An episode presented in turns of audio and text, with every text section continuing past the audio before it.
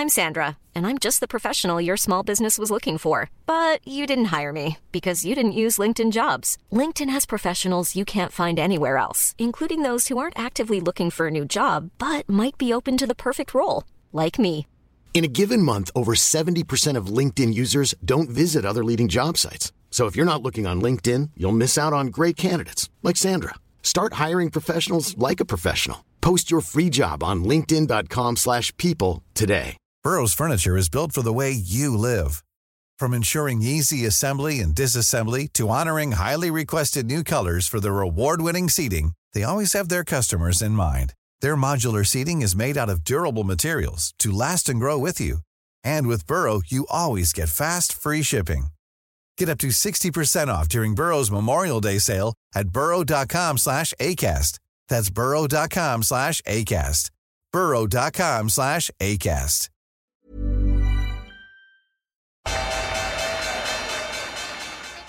They mistook leverage for genius. Leverage for genius. I would recommend Japan. The governments don't rule the world. Goldman Sachs rules the world. Velkommen til en ny episode av podkasten 'Tid er penger', en podkast med Peter Warren. Jeg heter Sverre og er produsent, trykker på start og stopp og deltar litt i diskusjonen og stiller spørsmål. I dag er selvfølgelig en eh, episode dedikert til det som skjer i Ukraina med, mellom Ukraina og Russland. Eh, episoden vil i sin helhet handle selvfølgelig om det, og med et eh, markedsfokus, men også primært et, et menneskelig fokus. da. Eh, vi kommer ikke til å lage noe ekstra i dag, men eh, vi kommer trolig til å ha uh, ekstraepisoder gjennom uka eh, på vår Patrion-kanal ettersom ting skjer. Så denne episoden er ment til å prøve kanskje ikke dekke nyhetsbildet direkte, siden det forandrer seg så raskt, men at eh, Peter kan prøve å gi et perspektiv på hvordan man kan forholde seg til situasjonen. Så da er du Eh, Det er litt avklart hva du kan forvente, og så eh, kan vi vel kanskje bare gå i gang med episoden og eh, på denne spesielle dagen. Ja. Nei, det er en spesiell start på uka. Jeg føler meg som om jeg er i en annen verden.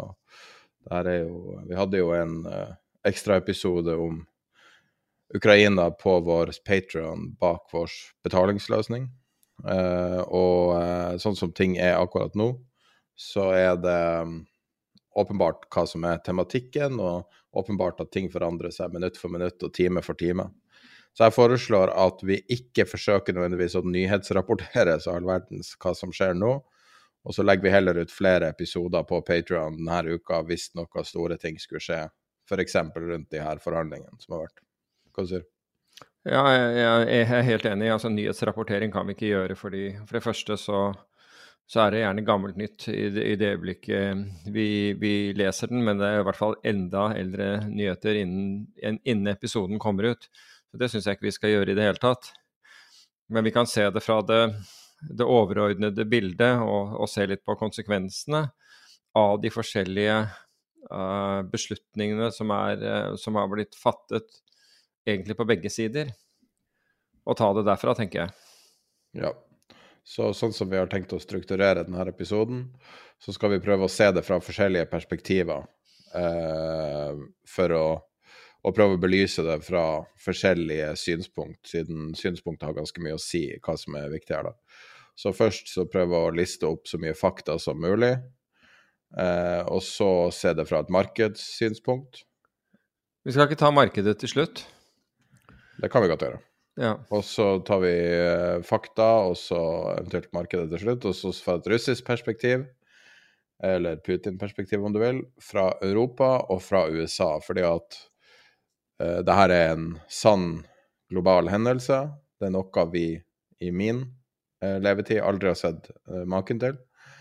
Og det er noen få hendelser i verdenshistorien som kan matche denne helga.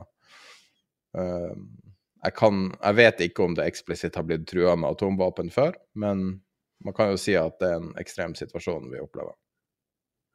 Ja, absolutt. Han, uh, altså Putin for så vidt viste det kortet um, da det ikke var helt klart hvordan Nato, i hvert fall ikke for, tydeligvis ikke for ham, eh, hvordan eh, Nato kunne, kunne, finne på å reagere. Og det var jo at han sa at innen de fikk summet seg og, og kartlagt artikkel 5, så vil det hele være over. Hvis, han, hvis, man brukte kjernefysiske våpen. Så det var vel første gang han, han nevnte det. Og det, det, vekket jo oppsikt da. Nå var han jo atskillig sterkere nå i helgen da, med, med, at man har økt beredskapen rundt de, de kjernefysiske våpnene. Eh, Dette er jo en konflikt som på mange måter starta i 1991, eh, da Ukraina og, og, Russland ble til to etter Sovjets fall. Og eh, Ukraina og, og, Russland var jo veldig tett eh, fra da. Eh, I 94 så eh, droppa Ukraina sin atomvåpen, eller atomvåpennedbygging. De har jo selvfølgelig mange atomkraftverk, deriblant Tsjernobyl, på sin eh, jord. Um, og så har det her gradvis bygd seg opp. Putin holdt bl.a. en tale i 2008 uh, der han stilte spørsmål med faren rundt uh, et Nato-medlemskap for Ukraina. Og så har denne konflikten vi, vi nå er midt oppi, Eh, har jo på mange måter pågått siden 2014, eh, da eh, Russland okkuperte Krim, og som de har holdt siden. Så fra NATO sitt perspektiv så er dette en pågående invasjon, det er ikke en ny invasjon, sånn som Stoltenberg har sagt. Jeg kan si litt om troppeforskjellen. Så Russland har 900 000 militære tropper. 550 000 paramilitære og 2 millioner reserver. Mens Ukraina har 209 000 eh, militære styrker, 102 000 paramilitære, men 900 000 reserver. Eh, så vidt jeg kunne se på, så har uh, utviklinga Der kan jo du korrigere meg, men uh, utviklinga ser ut som det har gått dårlig fra et russisk perspektiv. Så hvis du ser på et kart som Financial Times har laga for en times tid siden, Eh, så viser de da hva som er eh, kontrollert av russiske styrker. Og utover det eh, området nord for Krim, i tillegg til Luhansk og nord for Kiev, så har uh, ukrainske tropper klart å holde dem tilbake ganske godt, kan det se ut som. Og uh, anekdotiske rapporter viser jo at det er veldig, veldig stor motstand, i tillegg til at de får veldig mye støtte fra utlandet. Um, markedene som har reagert, har reagert i alle mulige retninger. Det har vært veldig vanskelig å oversikte så mye som har skjedd. Men når alt kommer til alt, så har Russland invadert Ukraina. De har trua med atomvåpen. Og de har blitt totalt isolert av verden i alle mulige bauger og kanter i løpet av helga. Er det en grei oppsummering, eller? Ja, det var, det, var, det var, faktisk en veldig presis og grei oppsummering. Jeg tenkte at, at uh, den var så grei at det er nesten ikke noe å supplere på det, men uh, i, i, utgangspunktet. Men vi får, vi får, ta det i den rekkefølgen. Altså hvis vi, hvis vi da går til dette sett fra Russlands side, så er det jo nettopp at Vesten har reagert antageligvis langt sterkere enn Putin så for seg. Um, de har tidligere fnyst av de økonomiske sanksjonene, men nå har jo da uh, Nå har man da valgt å utelukke, uh, ut, utelukke Russland fra, fra Swift-systemet. Og Swift-systemet er jo et interbank uh, telekommunikasjonssystem som, eh, som, alle banker eh, bruker. Eh, og det, det, kan opprettes også dersom en bank ikke er, er tilknyttet dette, dette, systemet. Men når, utelo, når, man da stenger Russland ute, så får man ikke foretatt betalinger over landegrenser. Og det andre er, er jo at man har nå at man fryser da den russiske sentralbankens Eh, verdier utenfor, utenfor, Russland.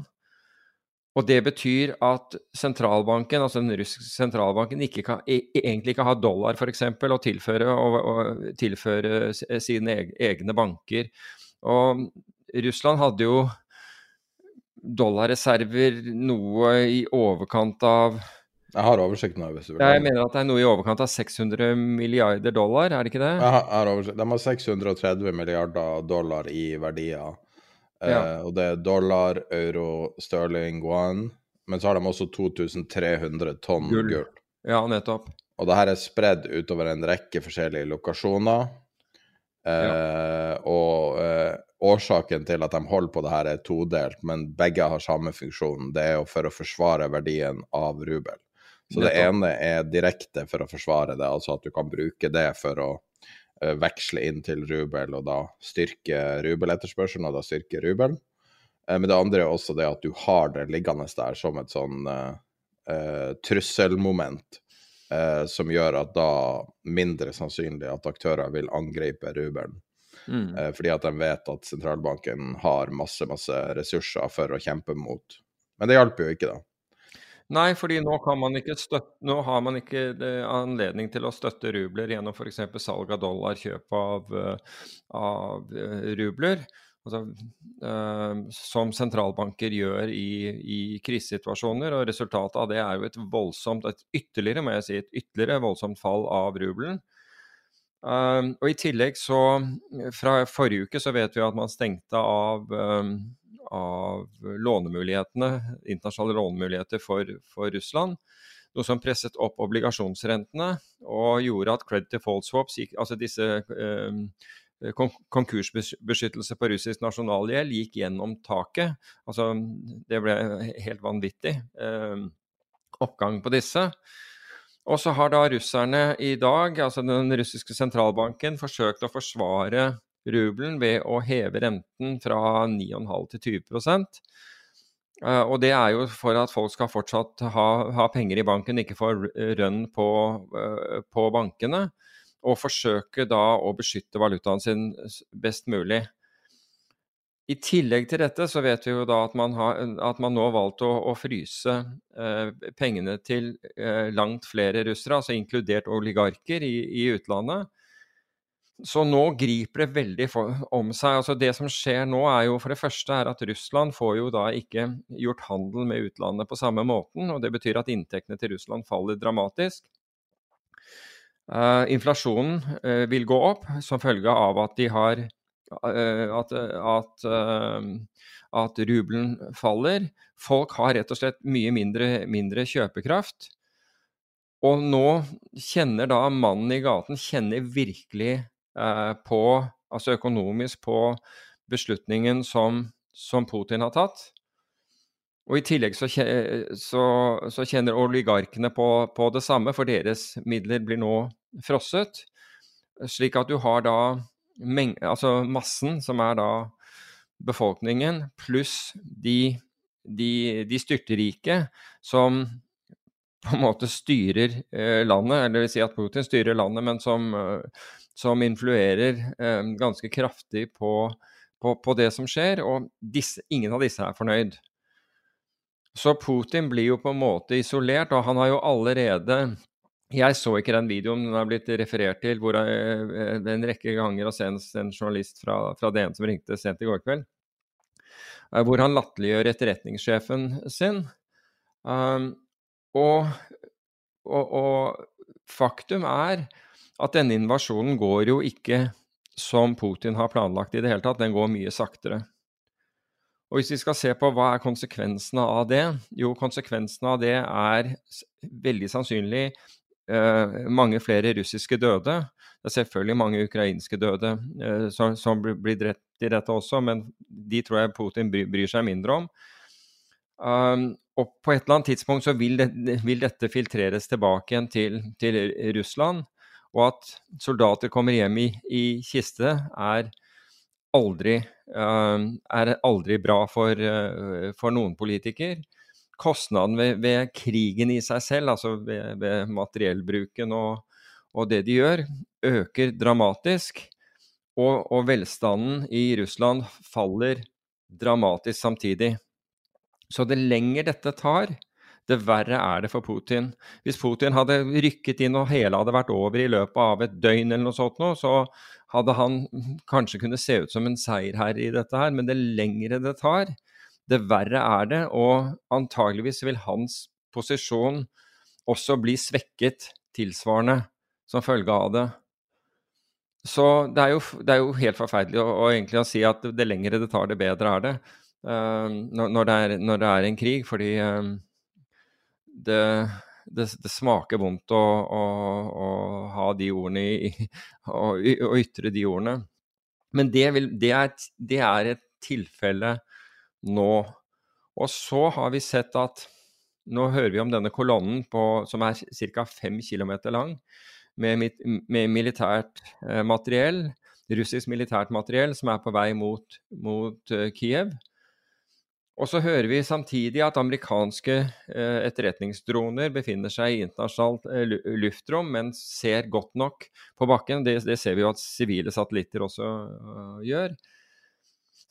Til at, at, de kan gi ukrainerne god etterretning fordi vi vet jo at, eh, at, russerne helt i begynnelsen av invasjonen slo ut eh, disse radarstasjoner og, og, og, de sensorene de kunne som ukrainerne satt, på, satt med. Men, nå, men, ukrainerne har, har selvfølgelig folk, folk, på bakken, det sier seg selv, men som gir informasjon inn til lederskapet. Men i tillegg så har de da luftbåren eh, etterretningsstøtte. Og hvis de har denne etterretningsstøtten og Eh, eh, denne, eh, disse, denne, denne, eller de dronene, det er, det er garantert flere, kan overføre data til direkte til ukrainske forsvarssystemer, så kan, så kan også de targete ganske nøyaktig uh, f.eks. En, sånn, en sånn kolonne. Og så, så, vet vi jo at de tilføres våpen fra, fra en rekke land, men det, Altså Her er det jo ikke tid for politikere til å tenke seg om å lure og debattere og osv. Dette skjer nå. Så enten får ukrainerne tilstrekkelig med våpen til å bekjempe dette, og det vil være typisk altså, skulderfyrte missiler, uh, antitankvåpen, den, den, den, type ting. Altså et eller annet som kan stoppe denne kolonnen. Denne kolonnen jo, har jo mange, mange tankbiler med drivstoff som, eh, som, som trengs for, eh, for, en invasjon. For å, eh, for å, kunne sørge for at de mekaniske styrkene har, har, drivstoff, rett og slett. Så du kan si at, er, at i løpet av de neste 24 timene så vil man nok se en, en Altså hvis, hvis, disse tingene Hvis det som jeg sier, altså hvis de får nøyaktig nok etterretningsrapporter, via f.eks. Uh, amerikanske droner eller, eller, på en annen måte, så kan de begynne å targete direkte det, denne forsyningskolonnen inn. Og altså, Rent militærstrategisk så vil jo det være åpenbart uh, riktig ting å gjøre. Riktig ting i en krig, men for å, for å, forhindre, for å forhindre, at man tar kiv. Så det blir, det blir interessant å se hvilke kapasiteter som ukrainerne blir tilført, i tillegg til at de har at de, de, stadig får flere soldater. Nå reiser jo til og med folk dit for å, for å kjempe mot, uh, mot, russerne. Så det blir interessant, altså det neste døgnet blir interessant i så måte å se hva, hva som, hvilke kapasiteter de faktisk har. For det er, det er nå uh, det gjelder å utnytte dem. For hvis først russerne kommer inn og tar, uh, tar de store byene, så er det jo geriljakrig som vil bli ført deretter. Det vil ikke bli ført krig på, på, den, på den, mer konvensjonelle måten uh, som, som, det nå gjør. Altså Nå er det jo konvensjonell fra, fra russernes side, og delvis konvensjonell fra ukrainerne. De, de forsøker sikkert med noen geriljataktikker uh, nå også, i og med at de er uh, at de, at de, er underlegne når det gjelder materiell. Um, men, eh, men som sagt, nå, nå, får vi se hvilke kapasiteter som, som finnes, og eventuelt hvilke de, hvilke de mangler, og, og, og, hvilke, de har blitt, uh, hvilke de har blitt tilført. Uh, I denne konflikten her så er det noen bilder som har blitt uh, på en måte symbolet for det som skjer. Litt referanse du sier med drivstoff. tanks og og varebiler og biler som er forlatt for de går tom for drivstoff, har blitt et vanlig bilde å se i sosiale medier. Og det andre er ukrainere som går og bærer på en såkalt javelin, en sånn FGM 148 skulderavfyrt antitankvåpen, Mm. Uh, som er da amerikansk eh, lagd og helt åpenbart uh, sendt fra amerikanerne. Det er også offisielle bilder der de pakker de her javelinene ned for å sende over til, til Ukraina. Helt åpenbart, altså. Legger ikke noe skjul på det. Uh, så det her er jo på en måte den første nesten varme konflikten noensinne mellom Russland og USA, kan man jo si. Siden. Russland er, nei, USA er så voldsomt blanda inn i, i det her. Bare det i seg sjøl er jo noe helt nytt som, som er vanskelig å forholde seg til. Ja, du, du må vel tilbake til uh, da Kennedy stanset uh, uh, Fikk stanset de russiske skipene på, med våpen på vei til Cuba. Ja. Og jeg husker ikke hvilket, Det må jo ha skjedd på 60-tallet, men jeg husker ikke akkurat hvilket år. Det var selvfølgelig tidlig 60, siden, siden det var John F. Kennedy. Men, eh, men ja. Det var der to skip på vei mot hverandre, og det ene veik av. Hvis Ja. de traff, så var det krig, liksom. Mm. Uh, det er jo sånn sett uh, de, de sier angivelig at det er at det ikke har eskalert med våpenbruk, og måten uh, Putin advarte med det atomtrusselen, at den var på en måte i anførselstegn den beste måten han kunne advare. Altså, det kunne vært mye skumlere hvis han advarte med noe som han var mer realistisk å bruke. Um, og at det blir tolka som en sånn svakt positiv. Nå er det veldig vanskelig å forstå hvordan det kan være positivt, men samtidig, jeg bare gjengir det jeg har lest. Ja, altså jeg, jeg ser begge tolkningene av det. Jeg ser også tolkninger hvor man mener at uh, hvor, han, hvor man mener at Putin er i, ferd, er i ferd med, eller har mistet forstanden også. Altså, øh, så det er, øh, det, er mye usikkerhet. Det, og det er akkurat det vi lever i nå. ikke sant? Det er en ekstrem usikkerhet. Altså vi, I Norge så opplever du jo ikke den egentlig. altså Du gjør den gjennom, selvfølgelig gjennom medier, men hverdagen her til lands er jo akkurat den samme. Folk gikk på ski i helgen og, og gjorde alle disse tingene.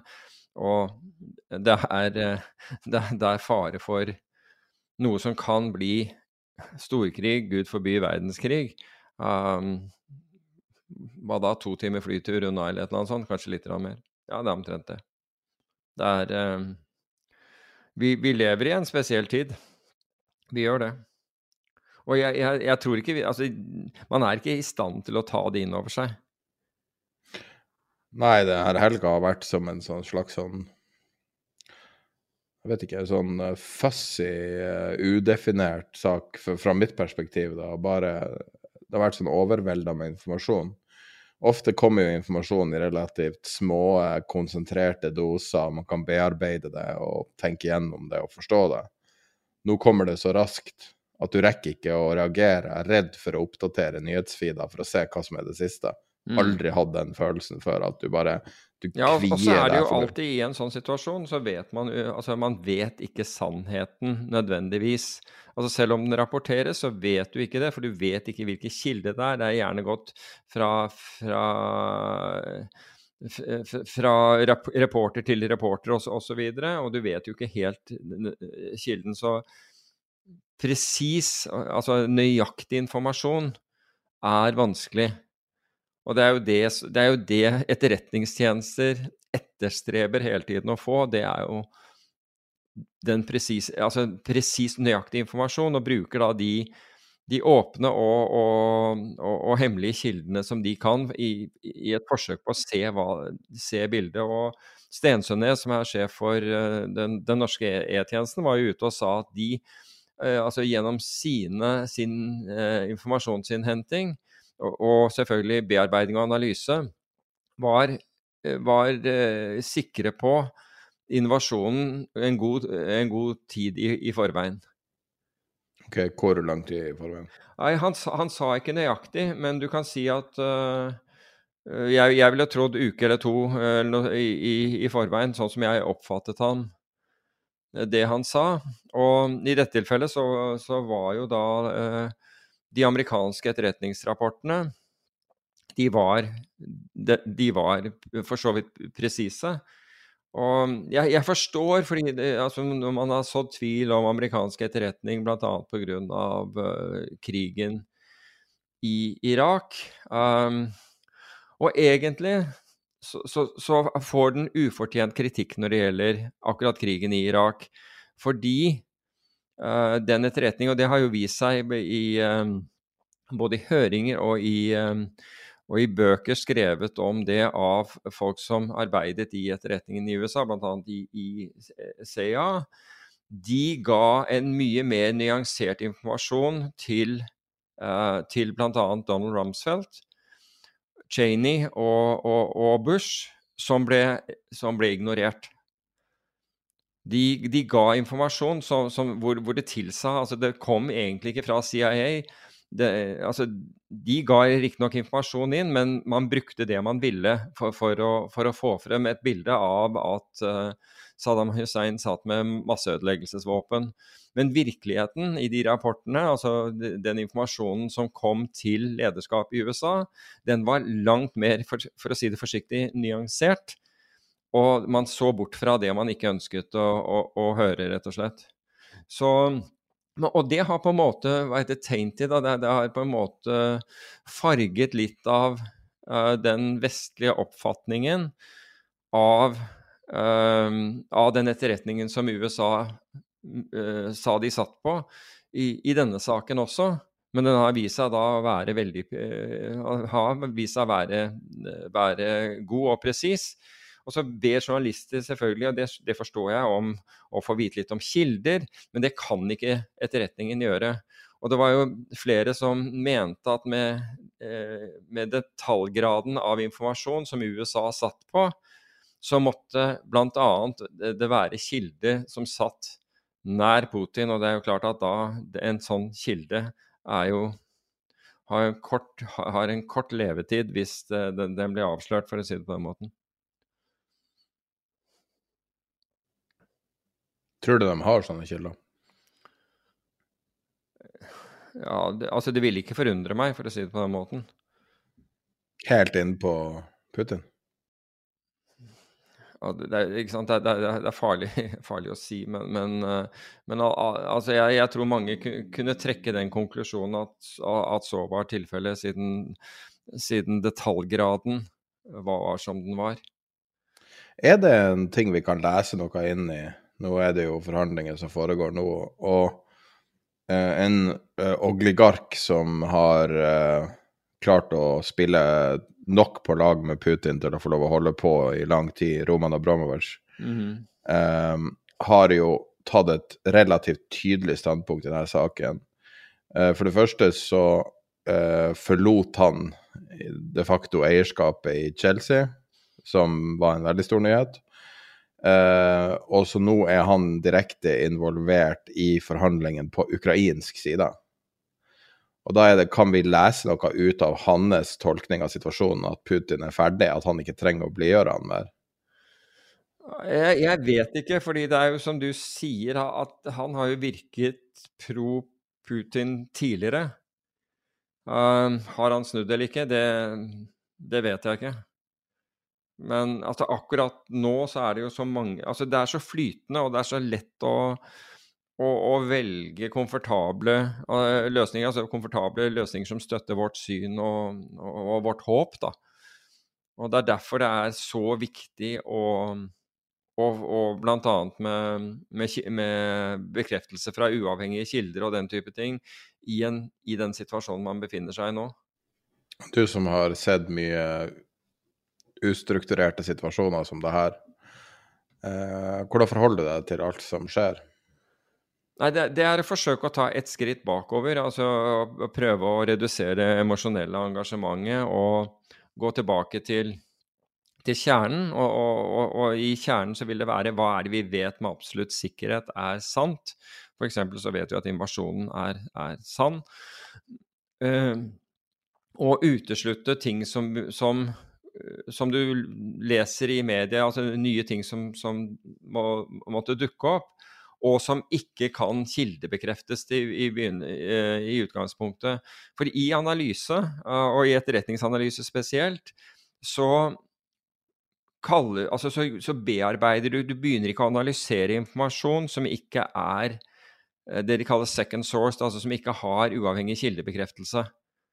Da jobber man fortsatt. altså Da er det, da er det innhenting som er en del av etterretningen, altså som er mange typer sensorer. Sensor. Det kan være mennesker, det kan være elektronisk, det kan være, uh, det kan være uh, satellittbilder. En hel haug av, av, av, forskjellige uh, sensorer som, som, som, benyttes. Men man forsøker da å, å Da er det fortsatt innhenting som jobber, altså med å hente mer å hente inn eh, For da, da er det, det det, behovet man har. Kan vi få dette bekreftet?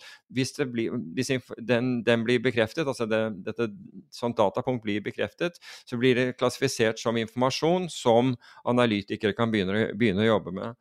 Og på den måten så slipper man å gjøre uh, konklusjoner på feilaktig grunnlag. Man, man, man bygger ikke på an, antagelser man bygger på så mye fakta som man kan, og, og, og så kommer det på en måte analysearbeidet.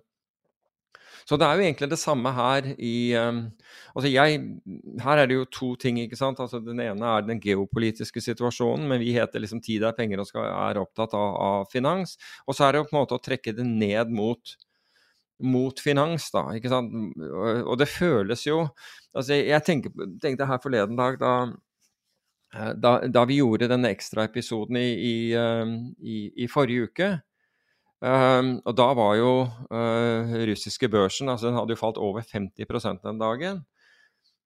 Og jeg hadde, det liksom lå på tungen det derre at, uh, at det kunne være bunnen for en, for en kortsiktig reaksjon. Fordi gitt det bildet som var da, så, um, så skulle veldig mye til at det kom ytterligere negative, da, negativ inf informasjon ut. Akkurat slik det var. Og all annen informasjon, bare at det stilnet litt eller noe sånt, ville kunne oppfattes positivt når det hadde vært en så ekstrem bevegelse. Men jeg, føl jeg følte rett og slett ikke for å nevne den uh, i, i, episoden, for, fordi det, det, virket på en måte så feil. Og jeg tekstet deg den, eh, eller sendte deg dette på, på Messenger um, etterpå. Um, slik at det, var, det, det, ble mellom oss uh, isteden. Og jeg, jeg, må jo si at jeg føler jo det sånn også. Det, jeg vet at det er mange der ute og de sier å, du skal kjøpe dippen og det er liksom alt det der. Det føler, på en eller annen måte så føles det uh, Føles det uh, Jeg vet ikke om det er feil, om, om det er uttrykket. Men hvis man ser det fra den andre siden, hvor man forsøker å beskytte på en måte sin, sin, sine finanser, så er, så er, det i hvert fall lettere, eh, syns jeg. Selv om jeg, jeg, jeg tradet jo i, i, i, forrige uke selv, um, rent sånn matematisk og, og, og, uavhengig av, av, nyhetsstrømmen. Så jeg Med det så vil jeg bare si at jeg, er ikke noe bedre, bedre enn andre. Um, nå, nå steg jo russiske børsen på fredag og er stengt ja. i dag. Mm. Men russiske aksjer handler jo fortsatt på utenlandske børser så lenge det er tillatt. Eh, så kan bare ta en oppsummering av eh, et par som Så jeg vet ikke hvordan man uttaler det. Sperbank eh, er ned 74% i London. Foss Agro, som vi tidligere har nevnt, eh, som var når vi tracka det rundt eh, deres sjakksponsorat tidligere i år, og skulle se om det var positivt på uh, aksjekursen. Jeg kan si at i dag er det ikke positivt, men det er 62 mm. Det samme er mail.ru. Og så den utenlandske eh, noteringa av Gazprom er ned 46 ja. Så er det at Yandex er altså den uh, russiske versjonen av Google, er ned 21% i forhandelen i USA. Det finnes sikkert flere verdipapirer som handler, men Eh, det er kraftig ned. Så har du da styringsrenta i eh, Altså russiske styringsrenta opp fra 9,5 til 20, som er helt utrolig i seg sjøl. Um, eh, du har eh, russiske statsobligasjoner har halvert seg.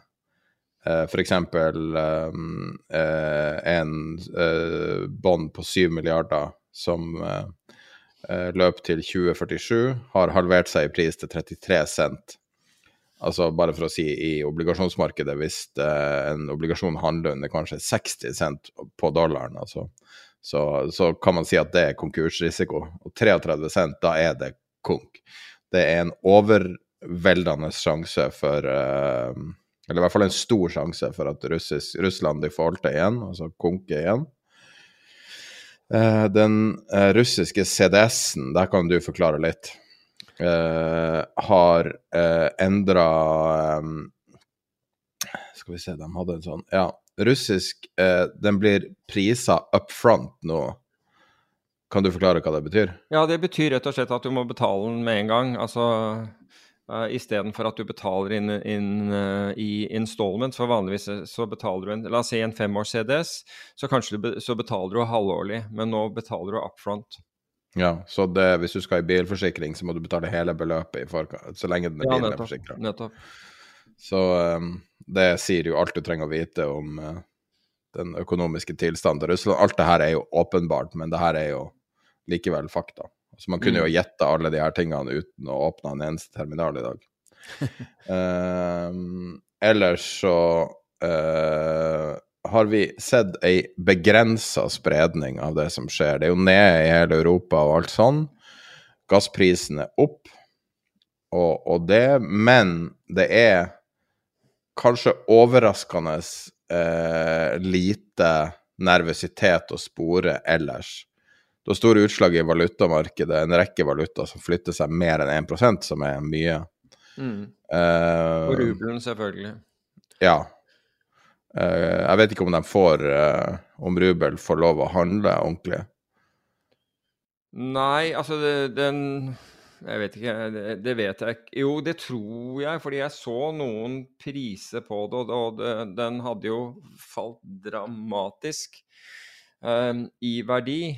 Russerne vil jo ikke at uh, russiske aktører skal, skal kjøpe Altså alle som nå dumper være seg rubler eller russiske aksjer eller russiske obligasjoner eller, eller altså noe som helst russisk verdipapir, så har vel sentralbanken om, de, om, det ble et forbud Jeg tror det, eller i hvert fall det var uttrykt veldig sterkt, at, at russ, russere skulle ikke være på, på bid-siden, skulle ikke være på kjøpersiden når, eh, hvis Vesten ønsket å dumpe verdipapirer. Og, det, og vi hørte jo i helgen at det ble annonsert at uh, oljefondet kommer til å kvitte seg med, med, sine russiske verdipapirer. Det er, jo, det er sikkert aksjer og obligasjoner når jeg tenker på.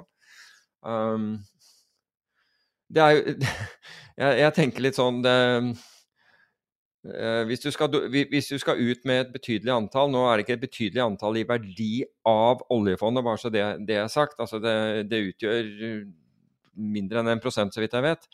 Um, men Det gjør litt for krona, da. Det var jo en betydelig kronebevegelse i åpninga pga. den anmeldelsen Nei, den uh, meldinga. Mm. Men, men, poenget er jo at er at der, der har du forskjell mellom, mellom politikere og og, og finansfolk, om du vil. Altså hvis du som en finansiell player, altså i dette tilfellet en aksjeforvalter, har, eh, hadde, har planer om å selge ut en, en, stor post, så går du ikke og annonserer det på forhånd. Fordi da vet du at du får en dårligere pris, så enkelt er det. Uh, men politikere har jo behov for å markere det de deres standpunkt. Og det er jo det som på en måte teller i denne, denne sammenheng. Men med en gang man liksom kommer ut og sier at nå skal jeg, nå skal jeg, nå skal jeg dumpe aksjer for jeg gud vet hvor mange milliarder Jeg tror det var 1,2. Hva sier du? Jeg tror det var 1,2. Er det bare 1,2 milliarder? Det høres lite ut. Jeg vil jo tro det er mer. Men uh, jeg vil tro det er mer enn det, men det, whatever det er, så ville Altså, så vet du at, at uh, Altså, folk byr ikke opp for det.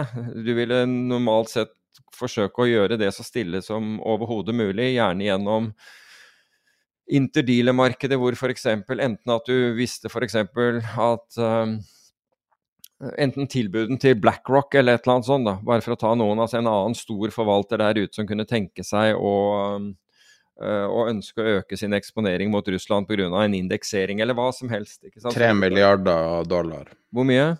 3 milliarder dollar. Ja, noe, ja, noe sånt noe. Og det er aksjer du snakker om da, ikke sant? Ja. Du har sikkert en obligasjonsportefølje også, for jeg lurer på om de russiske er en del av, en, av, av indeksen der også. Men, eh, men, poenget er da at eh, eller, at eller at du går til en av de store investeringsbankene, Goldman, Morgan, Stanley eller en av disse her, og ber de enten prøve å få til en auksjon eller, eller finne kjøpere. Men går, poenget mitt er at du går ikke og annonserer i media at nå, nå, nå har du tenkt å treffe bidden. altså. Med mindre det ikke betyr noe hvordan pris du får, for det er det politiske som er viktig her. Det er akkurat det. Det er akkurat det som er, uh, som er uh, poenget mitt. Men uh, jeg, jeg tror de kan selge det for én krone, gledelig. De vil selge kan, det uansett. Kan, kan godt hende. Og det er det jeg egentlig altså, Det er det jeg sier, at det er, det er forskjell på interessene til, til, til politik, politisk lederskap og lederskapet i, i, i en forvaltningsorganisasjon.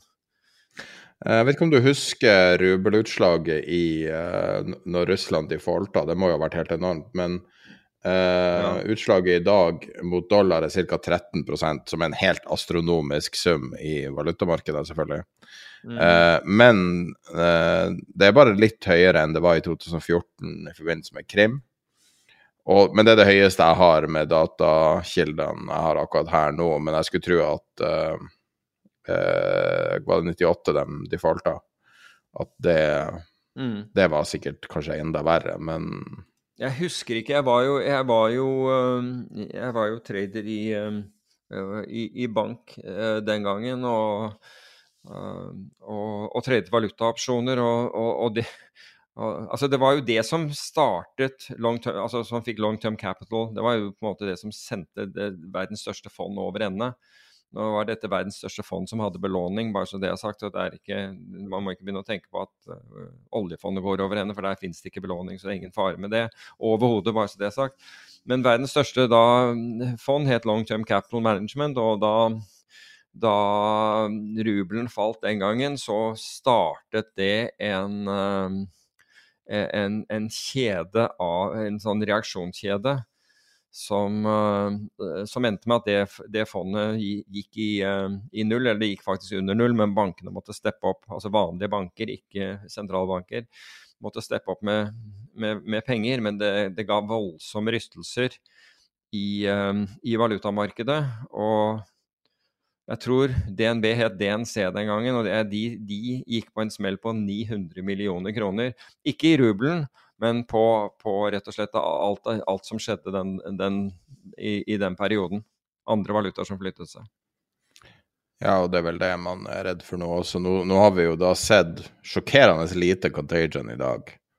Altså Hvis jeg hadde bare sett på skjermen i dag og ikke visst hva som hadde skjedd, så tror jeg kanskje ikke jeg hadde oppdaga hvor stort det her var, bare basert på utslaget i diverse markeder, jeg føler. Nei, altså vi, vi, kan jo snakke litt om, om markeder. fordi da, de, da markedene åpnet, og, og, når jeg sier markedene åpner, så åpner de da midnatt norsk tid. Altså et sekund over midnatt norsk tid. For da åpner terminkontrakter, altså future-kontrakter på amerikanske aksjer osv. Og, så videre, og så kommer europeerne inn eh, noen timer etterpå. Men i hvert fall i det skjedde, så dumpet jo Nasdaq ned over, over 3% og jeg tror Uh, SMP 500 handlet så langt ned som ca. minus 2,7 jeg mener at olje var vel opp noe sånt, det var ikke opp en seks dollar. Det, det, var ordentlige bevegelser eh, der og da. Og altså, hvis du ser, så tenker man ja, ja greit liksom, at, at, det skjer, men det, det, interessante, hvis man tar et skritt tilbake, det interessante å se, det er faktisk at de, de største bevegelsene i det amerikanske markedet skjer når børsen ikke er oppe. Så det som er nattestid for amerikanerne, er den perioden. Altså hvis du f.eks. under den oppgangen som har, har, da vært, hvis du var Hvis du gikk long da børsen stengte i USA, og solgte deg ut igjen neste, neste, dag da den åpnet, så hadde du vesentlig høyere avkastning enn om du kjøpte på åpningen når børsen åpner, og solgte på slutten av dagen. Så veldig mye skjer utenom børsen, altså den offisielle børsens åpningstider. Og det, det samme var det i, det, i, eh, i, natt. Og da var det denne braket rett ned. Og så stabiliserte det seg, fordi det, det, åpner, åpner, ned 3% så da, da, fyrer den av alle mulige stopplosser uh, som er.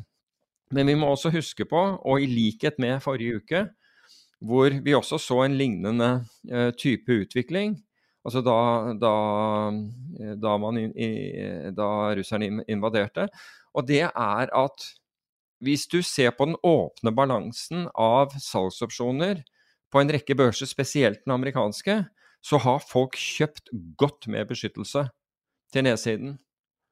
Og det vi, det vi da ser, altså det, folk, det, man har gjort, er, det er faktisk for en gangs skyld så har folk kjøpt mens det har vært billig. Altså de har, de har altså Nå snakker jeg med kjøpeopsjoner, kjøpe-salgsopsjoner. Så i, i praksis så har man shortet markedet på uh, the rumor, and they're buying it on the facts. Så når, du, altså når usikkerheten har vært der, så har man, har man kjøpt uh, beskyttelse. Og så dekker man seg inn når det man har fryktet skulle skje, har skjedd. Kan jeg sitere Goldman Sachs i den forbindelse? Ja, det kan du godt. Investors were hedged for the correction. We've been averaging one trillion dollars worth of puts per day, the largest notional on record. One trillion dollars? Hmm. Oh, wow. Det var en analyse som kom i helga. Ja, det er, det er størrelse. Men, men, ja, og det underbygger jo egentlig det, det jeg sier. Altså, så, så, det motsatte i og med at dette faller, er at altså, det vi vanligvis sier, er 'buy the rumor, sell the facts'. Og det man har gjort her, er å sell the rumor and buy the facts. Fordi man har trodd det skulle, skulle skje til, til, eh, til, nedsiden. Så det er på en måte, og, og det forklarer også disse skarpe bevegelsene den, den, ene dagen hvor jeg tror vi hadde Nasdaq ned 4 i, i, i, før amerikansk eh, åpningstid, og opp 4 innen dagen er omme. Altså et spenn, enten var det 7 eller 8% spenn den dagen. Og det er helt enormt. Det er helt enormt, det kan jeg fortelle på en, på, på en dag. Så det er de som gjør, gjør eh, nytte av eh, absolutt av, av, sikringsinstrumenter.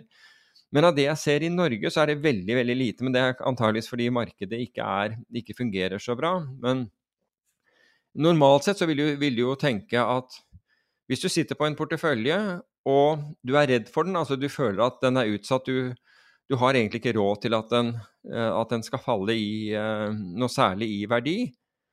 Og du sier at altså, hva, hva, hva, tror du sannsynligheten er for at Russland går inn i, i, i, Ukraina? Nå har vi selvfølgelig svaret, men liksom, la oss si at du var et par uker siden eller tre uker siden og hadde det, det og sto med den problemstillingen.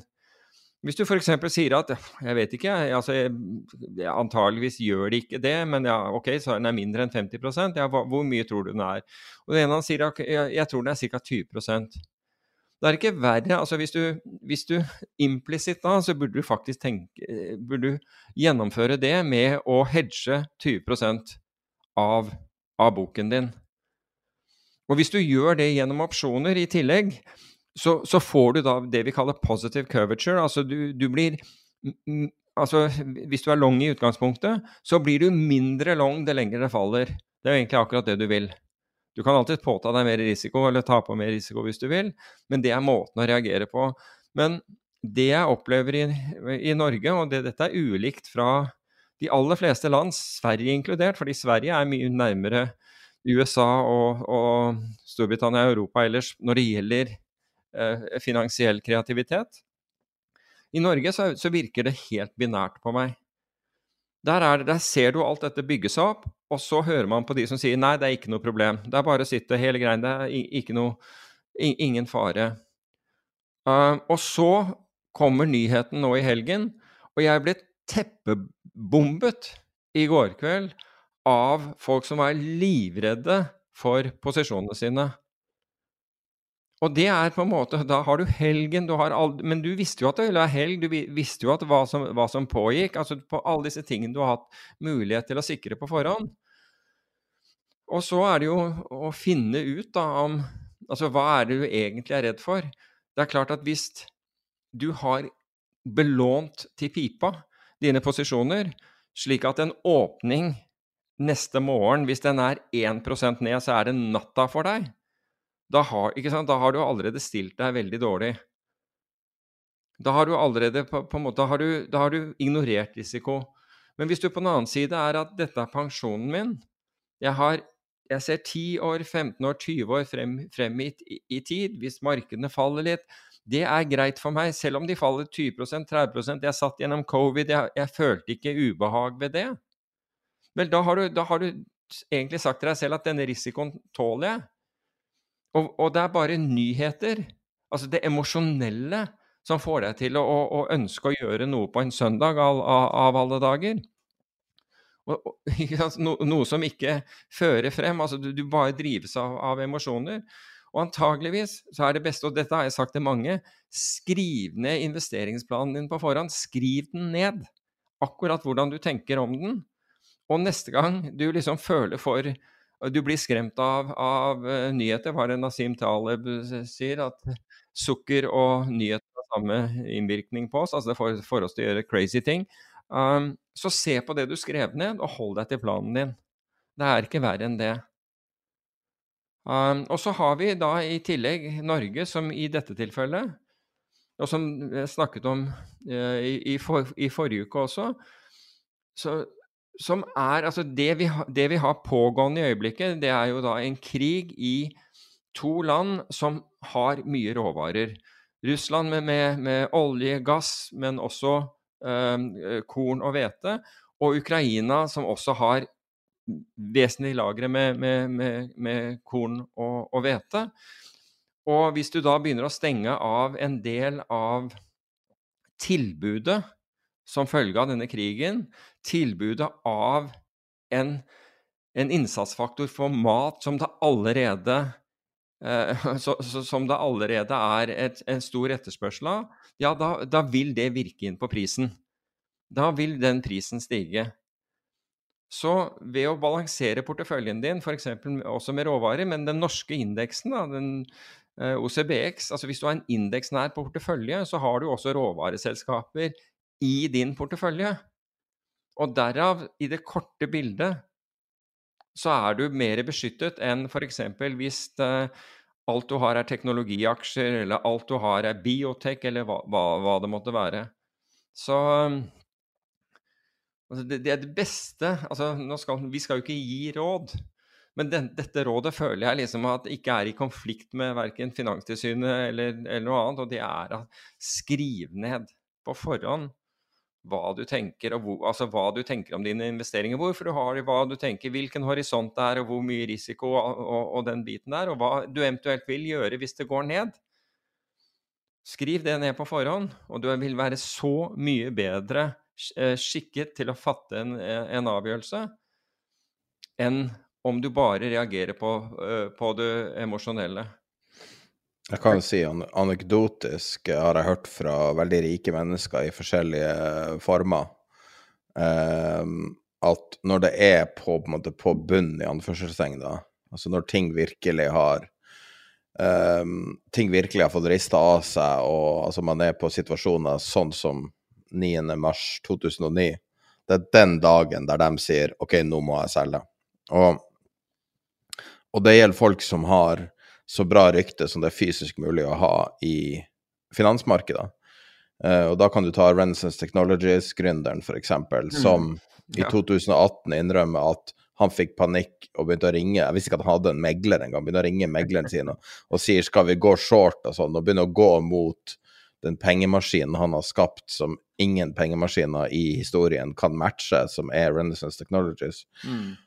Og når jeg hører fra eh, folk som er veldig aktive i markedet, som har veldig mye penger og veldig mye buffer og liksom skulle tro tåler alt mulig.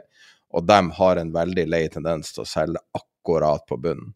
Så det er når vi føler det sånn som når alle våkna var det, var det torsdagen når vi våkna, det var så krise. Så våkner vi fredagen, så er det om mulig blitt verre. Og så kommer helga, og så er det helga føles som at det har vært et år lang. Eh, men ting kan endre seg så utrolig raskt igjen. Ja, så det å, å, å, sitte i ro og skrive ned og, og, ikke nødvendigvis bare trykke, kan være et veldig godt råd nå. Ja, jeg husker jo 11. september, altså 9-11, um, hvor uh, jeg var ute av Og dette har jeg fortalt om tidligere, så jeg skal ikke ta den storyen inn, men jeg var ute av, uh, av banken da, da, dette skjedde, og ga bare instruksjoner inn. Mens dagen etter så var jo alle disse, disse formuesforvalterne i banken de var liksom Hva gjør vi nå, hva gjør vi nå? Og da hadde vi et møte om dette, og da hadde du du, du, altså I og med at dette var i 2001, så hadde du, hadde du eh, allerede begynt å falle av eh, falle kraftig fra, eh, fra dotcom-perioden. Og så kommer dette her, og børsa er stengt og hele greia. Og, og, og min råd til dem var altså slapp av nå. altså det, det Ikke kommer noe nå. altså La oss hente inn informasjon. Vi har tid. altså Markedene altså Har, du, har man sittet eh, ned til det, det nivået uh, allerede, så, så, har man på en måte altså Mange har allerede kommet seg ut, andre har sikringsinstrumenter, og noen har valgt å ikke gjøre det. Dette er ikke tidspunktet vi, altså, la det gå noen dager før vi reagerer nå, for no, fordi porteføljer har allerede blitt justert. Fordi risiko har, allerede, har, har vist seg å være her allerede nå i, eh, i, i, over et år. Så vi har liksom har falt fra, fra, toppen. Og det var det bare finne den, den roen. Fordi du har aldri tilstrek tilstrekkelig informasjon, men noen ganger har du virkelig bortimot ingen informasjon. Så la oss få ting ned. Vi visste jo at den amerikanske børsen hadde stengt, så det var jo liksom ikke, ikke mulig å gjøre ting der og osv. La nå oss roe det litt ned. Se på uh, hva som skjer, se på de mulighetene som gir, se på sikringsinstrumentet, se hva man trenger og hvilke porteføljer som trenger hva, og så tar vi avgjørelser. Men sånn derre hodeløs, sånn derre by the dip, eller, eller nå selger vi oss ut sånn brågreier Altså, hvis du må ut, så må du ut. Altså Hvis du ikke tåler 2 fall eller, eller, eller, noe slikt nå, så du, da har du ikke noen mulighet. Altså Hvis det betyr at du, du uh, går konkurs, vel da har du satt deg i en sånn situasjon, og så får du bare skrive, det, skrive det på kontoen for voksenopplæring etterpå. For det, den, den, kostnaden den, den, er mye høyere enn om du hadde satt deg på skolebenken, men sånn er det bare. Når man ser på denne situasjonen, så kan man jo se Det som er litt spesielt her, er jo at det er ikke Altså, det her er ei fullblods finanskrise i, i, Russland akkurat nå, per definisjon. En credit absolutt, crunch. Absolutt. Det, uansett hvordan, du, hvordan, begrep du vil bruke, så det er ingen som er stor nok til å dekke der. Det her er så ille det kan være for et land.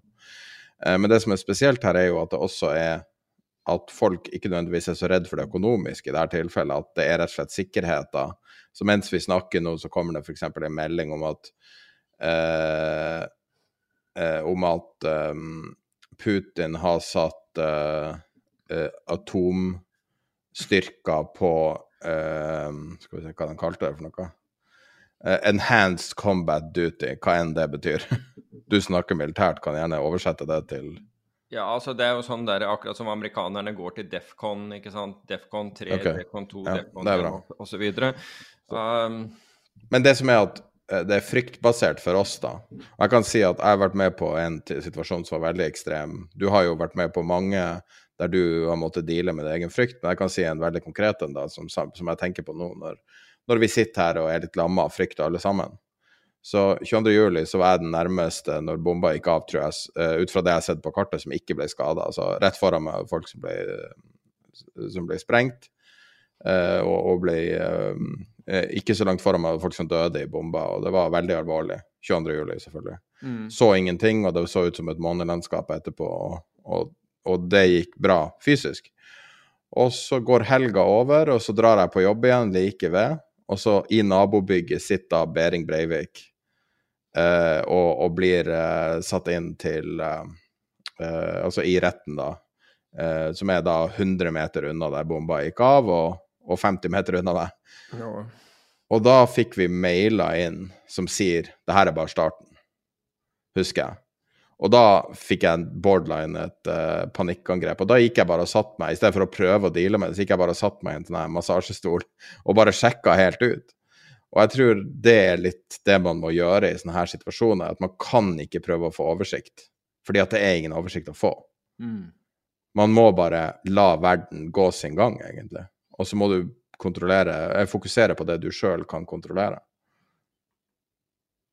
Ja, altså Din egen risiko vil jo, være, vil jo være viktig her. ikke sant? Altså Hvor mye tåler du? Hvis, eh, det er det jeg sier. Hvis du, har, hvis du har satt deg i en situasjon hvor du tåler ingenting, altså hvor, hvor den minste bevegelse er, er, for stor, da har du allerede liksom satt deg i en veldig vanskelig eh, posisjon, og en posisjon du ikke burde være i. Og, og det tyder jo på at at enten har du ikke liksom fulgt med i, i verden, eller så, eller så, har du en grådighet som overgår, uh, overgår det meste. Uh, men hvis vi ser Altså hvis du, Det er interessant å se. for Hvis, hvis du ser på Oslo Børs, da så nå, jeg, nå, er tallene mine litt gamle, men det spiller ingen rolle fordi det er enda eldre når, når, denne kommer ut. Men Oslo Børs er ned noe sånn som 0,7% på året. og du opplever at folk har, har panikk, og Oslo Børs er ned 0,7% på året. De to tingene henger på en måte ikke sammen. I, bare for å ta det som er utgangspunkt.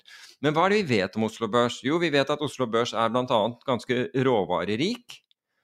Og at det pga. at disse selskapene, altså pga. at råvarer blir en mangelvare når, når en så stor øh, leverandør som Russland blir, blir, tatt ut av markedet. Nå har ikke Russland sluttet å eksportere verken gass eller olje, bare så det, det er sagt. Men hvis det sås tvil om det, så betyr det oppgang i, i gasspriser, oppgang i, i, olje og oppgang i disse andre, i, disse andre råvarene, som, som, jeg sa. Så, men Oslo Børs er da altså det, det, er interessant å, å, å, se, fordi Oslo Børs er ned 0,7% Det er absolutt ingenting. Men Oslo Børs forteller på en måte ikke storyen. For det amerikanske markedet er ned 11% fra, fra toppen. Nasdaq er nå ned 17 fra to toppen. Verdensindeksen for aksjer er ned 8% hittil i år, mens råvarer er opp 16% i år. Statsobligasjoner i USA fortsatt ned 7% på året, så det har vært store bevegelser rundt omkring. Ser vi på, ser vi på gass i, uh, i, uh, i, i, Storbritannia, så er de opp 62% i år. Og kull, i Newcastle kull, er opp 70% i år. Oljeprisen er vel opp ja, nå, Den fluktuerer såpass mye at det er vanskelig å si, men den er opp røftlig 30 uh, på året. Så du ser disse store divergensene. Interessant er det å se at VIX-indeksen, som i forrige uke, da invasjonen, altså da nyheten om invasjonen kom, spiket på litt og Nå snakker jeg om Mars-kontrakten, altså den du kan handle, ikke bare den du, du ser fluktuere på, på, skjermen din som du ikke får handlet. Dette er uh, future-prisen på den. Toppet på jeg tror det var 34,2 i, i forrige uke. Den er nå, altså til tross for at situasjonen var veldig mye verre i, i, uh, i dag morges, så lå den rundt 30. Så, er, så, der er frykten lavere, og det også uh, underbygger det at mange har vært hedget. Mange har sikret seg i, uh, i, på, på, forhånd, slik at behovet for å kjøpe sikringsinstrumenter er, er, er, blitt mindre. Men av de tingene, andre tingene som har skjedd, da, så er det jo tankrater. De er opp 20 i dag. Så de har gått fra, fra, fra minus Altså, tankrater har jo vært forferdelige i, i, lang, lang tid, og rederne har måttet betale for å frakte olje. Så det har gått fra minus 22 000 dollar dagen til minus 13 000 dollar dagen. Det er jo hyggelig at, uh, at, at rederne taper mindre. Og noen, jo, noen avhengig av hvor skipene deres er, kommer jo også til å, å, å tjene mye. Amerikanske defense contractors, dvs. Si våpenleverandører eller leverandører til forsvarsindustrien, er i formarkedet opp mellom mellom 4,5 og 6,5 i dag. Så mye skjer. Europeiske gasspriser ja, 35% Så Men en annen, annen ting jeg lurte, var når på, på, Oslo Børs var Aurskog Sparebank taperen med minus 18 Jeg vet ikke om det er noen oligarker i, som, som, har konto der, men det var jo påfallende. Mens enda mer påfallende var at Black Sea Property som også noteres på Oslo Børs. Jeg trodde Black det var så lite at det ikke betydde noe. De har jo alltid vært en spesiell eh... Ja, hør på denne. De var opp 24 Det er valutaeffekt. Nei, det er, det er ikke valutaeffekt. vet du, fordi når du da ser hvor mange aksjer som ble omsatt, og hva det utgjør i kroner, så var det en total, et totalvolum på, eller en total verdi på 9500 kroner. Det får deg på topplisten på Oslo Børs på, på, på beste aksjen på dagen. Ja, last year to date så er de eh, Black Sea Property ørlite grann ned. Sånn ca. 70% ned. ja, det, jeg, det, ja, hvis du måler de fra starten på det selskapet der, så tror jeg at, uh, at de sliter litt, for å si det forsiktig. De er ned eh, fra toppen, skal vi se Nå tenker jeg den absolutte all time high til det, det selskapet. Ja, jeg prøver å, prøver å, få det inn her, men det er, det er sånn 99% omtrent. Ja, 99% fallet, akkurat. Ja, 96% vel. Ja. Så, men det sier seg jo sjøl. Black Sea Property, jeg vet ikke. Men poenget mitt er at Oslo Børs um, viser på en måte ikke det som skjer i verden. altså Med, med minus 0,7% og det er sikkert det veldig mange føler på, det, det emosjonelle. Men hvis du er indeksinvestor på Oslo Børs, og det er nesten brutt ut noe som, kan, no, noe som står i fare for, eller kan stå i fare for, skal jeg være forsiktig, med å bli en verdenskrig, og børsen din er ned 0,7 da har du liksom misforstått hvor risikoen din er, for, for, å si det på den måten. Og hvis du frykter at det er frykten din, da da, da, da, da trenger du en realitetsorientering. Men det viktige her er at Oslo Børs gjenspeiler ikke de andre børsene. Og det vi har sett tidligere, og kan, og jeg, jeg understreker kan, se igjen, er at Oslo, som det har skjedd, som jeg gjentar meg selv, mange ganger tidligere, reagerer mye senere enn de andre børsene. Og det så vi da under bl.a. finanskrisen, vi så det under dotcom-sprekken, altså når det mm, falt fra hverandre også. At Oslo Børs, det var plutselig Det var som var, jeg vet ikke hva, Er det Roadrunner, eller hva den heter, den der tegneseriefiguren som løper utpå stupet? og først faller når den ser, ser ned? Det er litt sånn. Det er litt sånn uvanlig for deg å komme med et sånt bilde. Ja, det er, eh, men, men, det er litt sånn, så, så, det skal man jo være, være, oppmerksom på. Når vi snakker om olje, kan du forklare hvorfor eh, det er så stort avvik mellom eh, marskontrakten i, i Brent-futuren og spot? Flere dollar forskjell? Ja, og det, og det, er rett og slett for, for, for spot er immediate, immediate delivery, altså, og, og det er nå det skjer. Akkurat. Så det er, det er så ekstremt. Og, og, det er en ekstrem backwardation i oljekurven både på brent og på, på WTI, altså den amerikanske Jeg trodde det var noe feil med feeden min, fordi Nei. at prisene Nei, var så forskjellige. Den, den, den, er helt, den er helt riktig. Så det du kan si, er at nå har vi også en sånn situasjon at hvis du, tror, hvis du, tror, at dette blir langvarig, og ønsker å hedge deg mot at dette blir langvarig, så kan du kjøpe olje seks måneder ut, ikke sant? vesentlig billigere, altså over ti dollar under spot-kursen. Det er mye. Det er mye. Og, og, og hvis du liksom kjøper årskontrakten, altså den ja, desemberforfallet, og gjør opsjoner på den altså hvis, tenk deg, tenk deg situasjonen. Hvis oljeprisen står stille Altså så, så, tjener du Altså så kryper du oppover mot hele veien. Altså hvis, hvis altså seksmånederskontrakten var i hvert fall i forrige uke, nå har jeg ikke sett på den i dag, den handlet 11,5 dollar under spot-kursen. Så hvis den står stille, så tjener du 11,5 dollar. Hvis oljeprisen står stille, tjener du 11,5 dollar uten at noe skjer. Hvis den går opp, tjener du mer. Hvis den, kom, hvis den går ned, så må den gå ned mer enn 11,5 dollar før du taper penger. Så hvis du tror at oljeprisen skal gå opp, så er det bedre å kjøpe bakmåneden. Altså, du kan kjøpe spotten og rulle den nedover, men det er my mye transaksjoner og du må følge med hele tiden. Eller du kan kjøpe lenger ut på kurven. Eller du kan kjøpe opsjoner eh, lenger ut på kurven som også er attraktive, fordi de har lavere volatilitet enn enn opsjonene på, eh, på de kontraktene som er nærmere forfall, rett og slett fordi de som er nærmere forfall, svinger mer, og der må du betale mer. Så så her er det muligheter å gjøre ting hvis man, hvis man ønsker å beskytte seg. Men, det er jo også på sånne her dager det er mulig å tjene store summer og tape store summer. Altså det å, å klare, hvis, du, hvis, du, har en edge på enkelte ting, uh, så er det jo når det virkelig svinger at vi er dem som klarer å være å si, fokusert på, på, oppgaven som er at hand. Og man kan jo argumentere med det at ut fra utfallet så langt, så kan det jo se ut som at Ukraina mer har skjønt situasjonen uh, i akutt sammenheng enn uh, Russland og Putin har gjort.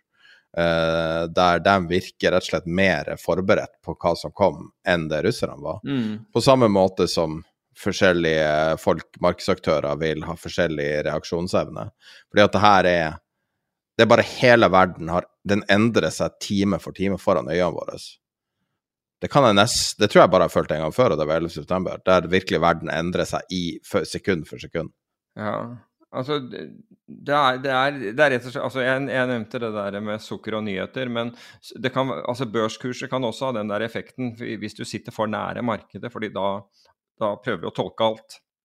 Det er ikke alt du kan tolke, fordi det er bare rett og slett flows av, av ordre som, som, påvirker markedet frem, frem og tilbake. Men jeg syns ikke det er så store utslag. Det er det som nei, er at, nei, det, nei, nei, nei. Jeg, jeg Og det er vanskelig å tolke. Mens det er de store tingene, sånn som olje, altså forskjellen på frontkontrakten og, og eh, spotprisen, det var Mm. sånn det, det var uvant å se så store utslag. Mens utover det, så er de prosentmessige utslagene er ikke så store. Og du ser nå f.eks., hvis du bare tar eksempel Citigroup, da, tidligere verdens største bank, jeg vet ikke hva de mener nå, men en enorm bank. Eh, de har ei total eksponering mot russiske assets på bare 5 milliarder dollar. Det er jo noe de kan i praksis skrive av, Mm. hvis de må.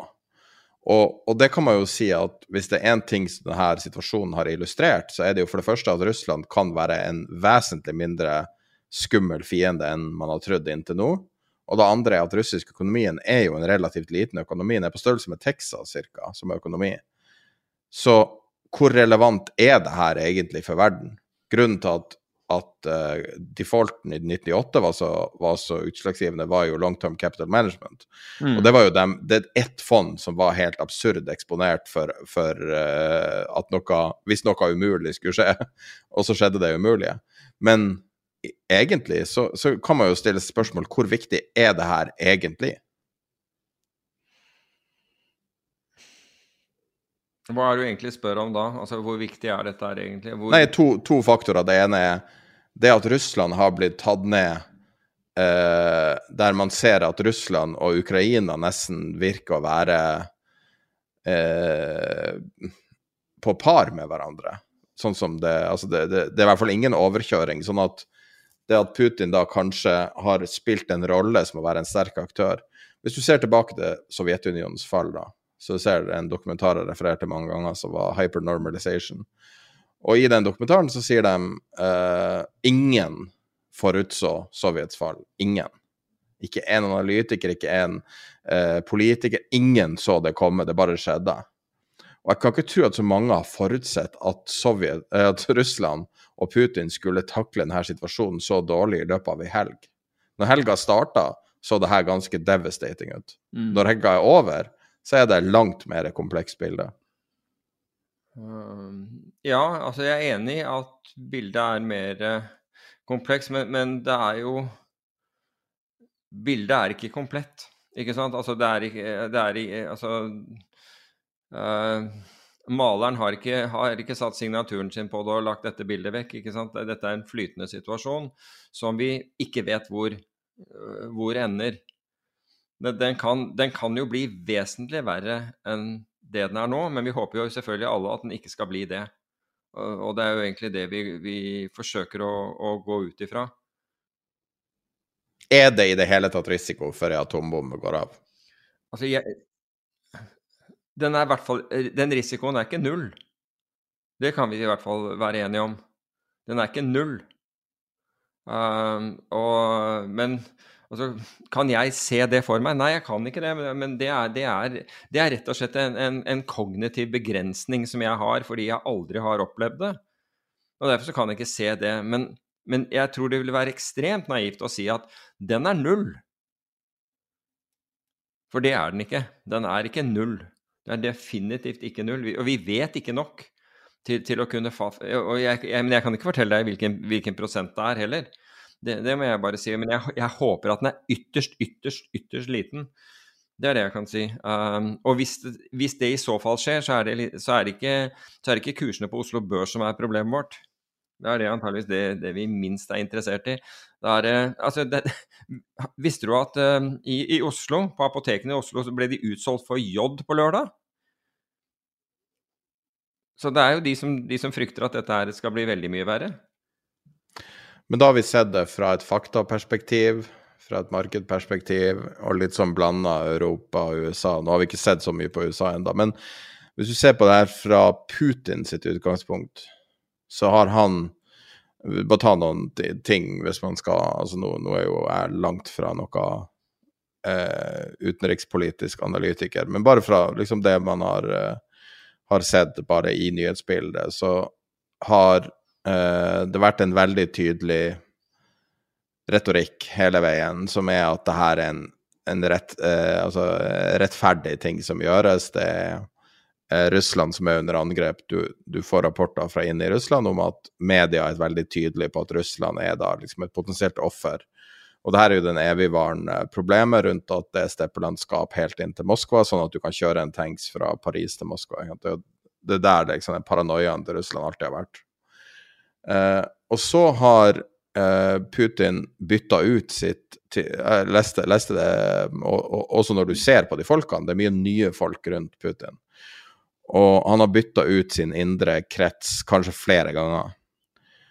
Og hvis man ser da på andre ledere, som, som Stalin tidligere f.eks., så ser man jo at eh, de kan i noen tilfeller bli veldig isolert og få et urealistisk syn på sin egen styrke.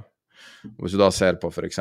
sovjettida eh, under Tsjernobyl, så var det jo veldig problemer med rapportering internt i Russland som gjorde at de undervurderte risikoen med Tsjernobyl, og da trodde de sto mye sterkere fordi at det var insentiver for å lyge gjennom hele eh, si, verdikjeden, gjennom hele eh, etterretninga. Og Da kan man jo i hvert fall lov å stille seg det spørsmålet kan noe lignende ha skjedd her. Har Putin agert med feil informasjon? Han har jo holdt på veldig lenge, og det er noe som heter full mage-syndromet. Det at du, når du er rik og full av luksus, og, og så har du ikke den samme driven som du hadde når du var up and coming. Og um, det at Putin da tilsynelatende fremstår nesten som en irrasjonell aktør nå, om han spiller eller ikke Man kan jo selvfølgelig si ja, han er så smart, han er etterretningsoffiser, men hans troverdighet er svekka drastisk fra utsida, og han fremstår å være ganske isolert, og kanskje isolert også uh, av de her f.eks. oligarkene og alt.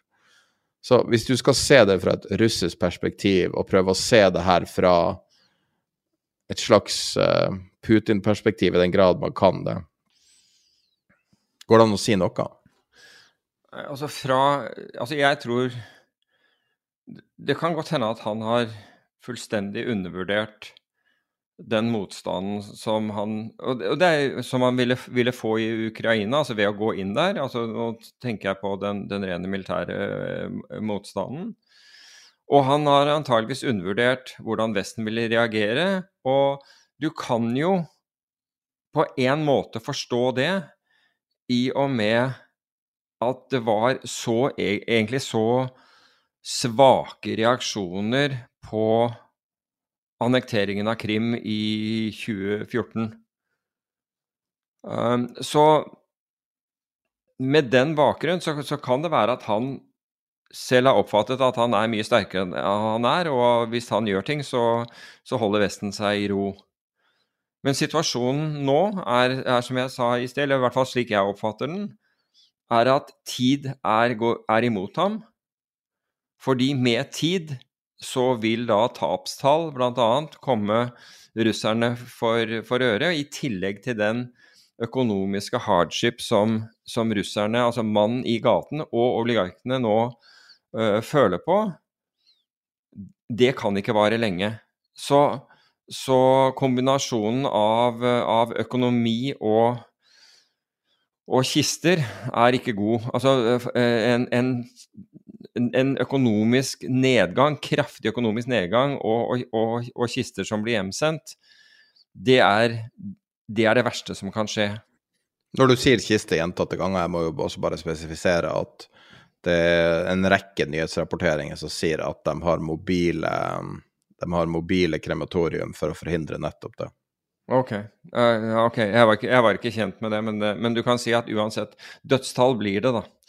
Um, om du kremerer folk eller ikke, så, uh, så er det tap. Uh, tap av, av, liv det er snakk om. Og slik at det lengre tid dette tar, det svakere tror jeg uh, Putin vil, vil være på, i, i, Russland.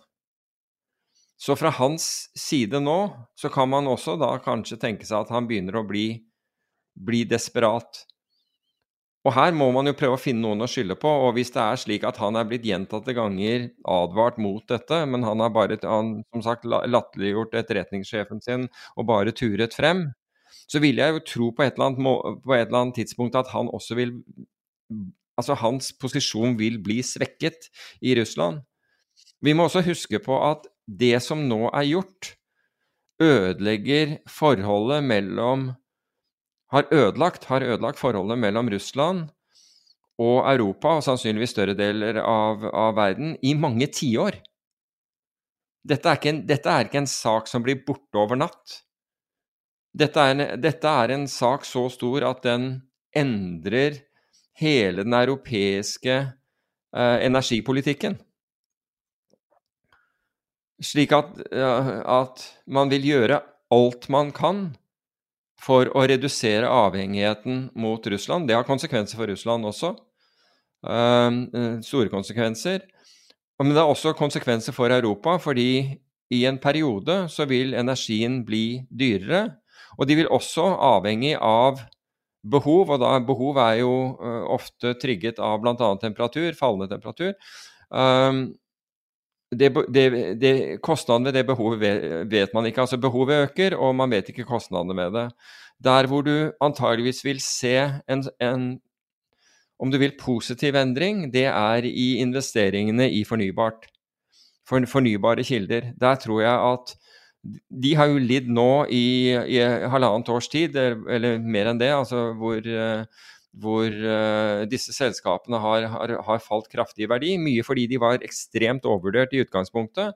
Men selskaper som nå har en, en fornuftig uh, finansiell stilling og, og økonomi, vil antagelig tiltrekke seg penger veldig fort i, i, fremover. Så du kan si at overgangen til fornybart vil, vil, bli akselerert. Men samtidig så tror jeg også at man vil, vil forsøke å fyre opp reaktorer, altså kjernekraftreaktorer, der hvor det er mulig for å prøve å dekke så mye av, av, man, av, av det behovet som man har hatt, uh, som har blitt fulgt av Russland, og som da man ikke ønsker å, å, å, å gjøre seg avhengig av fremover.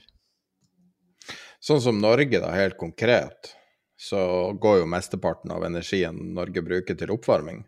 Mm. Og det er jo mulig at man kunne ha gjort en sånn megapush i retning av at man skal prøve å gjøre Altså sånn altså ta alt man har gjort av tiltak, eh, kombinasjon av mer energieffektivitet, solenergi, alternative varmegenererende eh, eh, teknologier. Eh, men alt altså sånn at man kan gjøre et stunt, fordi at sånn som det er nå, så er jo det her på en måte nesten leve eller dø. Altså det her er blitt så mye viktigere enn alt annet. Og, og det at, at man har en ressurs som oljefondet og faktisk kan gjøre Norge enda mer energiuavhengig. Men man må jo revurdere alt. Man må jo revurdere um, strømeksporten, man må revurdere hvor mye ressurser altså Når man snakker om sånne vindmøller på, på, kysten, man må revurdere og bare kanskje gire opp alt drastisk. altså Man har ikke råd eller tid til å vente og tenke. Man kan ikke sitte og analysere. Fordi at en tredjedel av energien i Europa er blitt borte nå, i praksis kanskje for alltid. Nettopp. Og altså, det, det, den det vi burde umiddelbart eh, gjøre, som burde vært gjort for lenge siden, og som man nå er i ferd med å gjøre, men antakeligvis må akselerere det også i kapasitet, det er å øke transmisjonskapasiteten mellom Nord- og Sør-Norge. Der løser du opp veldig mye. Fordi prisforskjellene er enorme, og det er ingen grunn til det. Altså, det er, altså Statnett har tjent altfor mye penger på å være ineffektive. Rett og slett, Man tjener på å være ineffektiv. Altså Bare å ha et system hvor man tjener på å være ineffektiv, sier seg selv at liksom, da har du gått feil i utgangspunktet. Men, sånn Men hvor mange 3D-møller kan man bygge for 10 milliarder kroner? Ganske mange. ja, det, det, tror jeg. Det, kan man bare gjøre da? Altså, De sa det i min, uh, min favorittpodkast, som er Aftenpodden. Så sa de at kan ikke de bare strø tredemølle Tredemølle Kan ikke de bare snø uh, vindmølle uh, Sa jeg tredemølle i stad? Ja, du sa tredemøller, så jeg det. Ja, jeg mente vindmølle. kan ikke man bare strø vindmølle langs hele kysten? Jeg tenkte og... det var gode nyheter for Sats, men nå skjønner jeg hva du mener. ja. Du trenger en tredje mølle, gjør du ikke? Ja, jo, det er godt i stykker. Det stemmer. Nei, men jeg er, helt, jeg, er, jeg er, litt i min egen verden, så jeg føler at uh, etter denne helga her har vært så rart. og mm.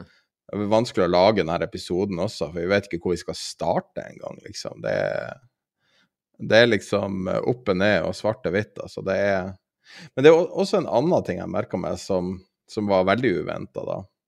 I en verden der man er forsiktig med å fornærme andre, og, og det Ja, det er veldig mye sånne eh, på en måte nye ting å forholde seg til for rundt liksom hva som er rett og galt å gjøre.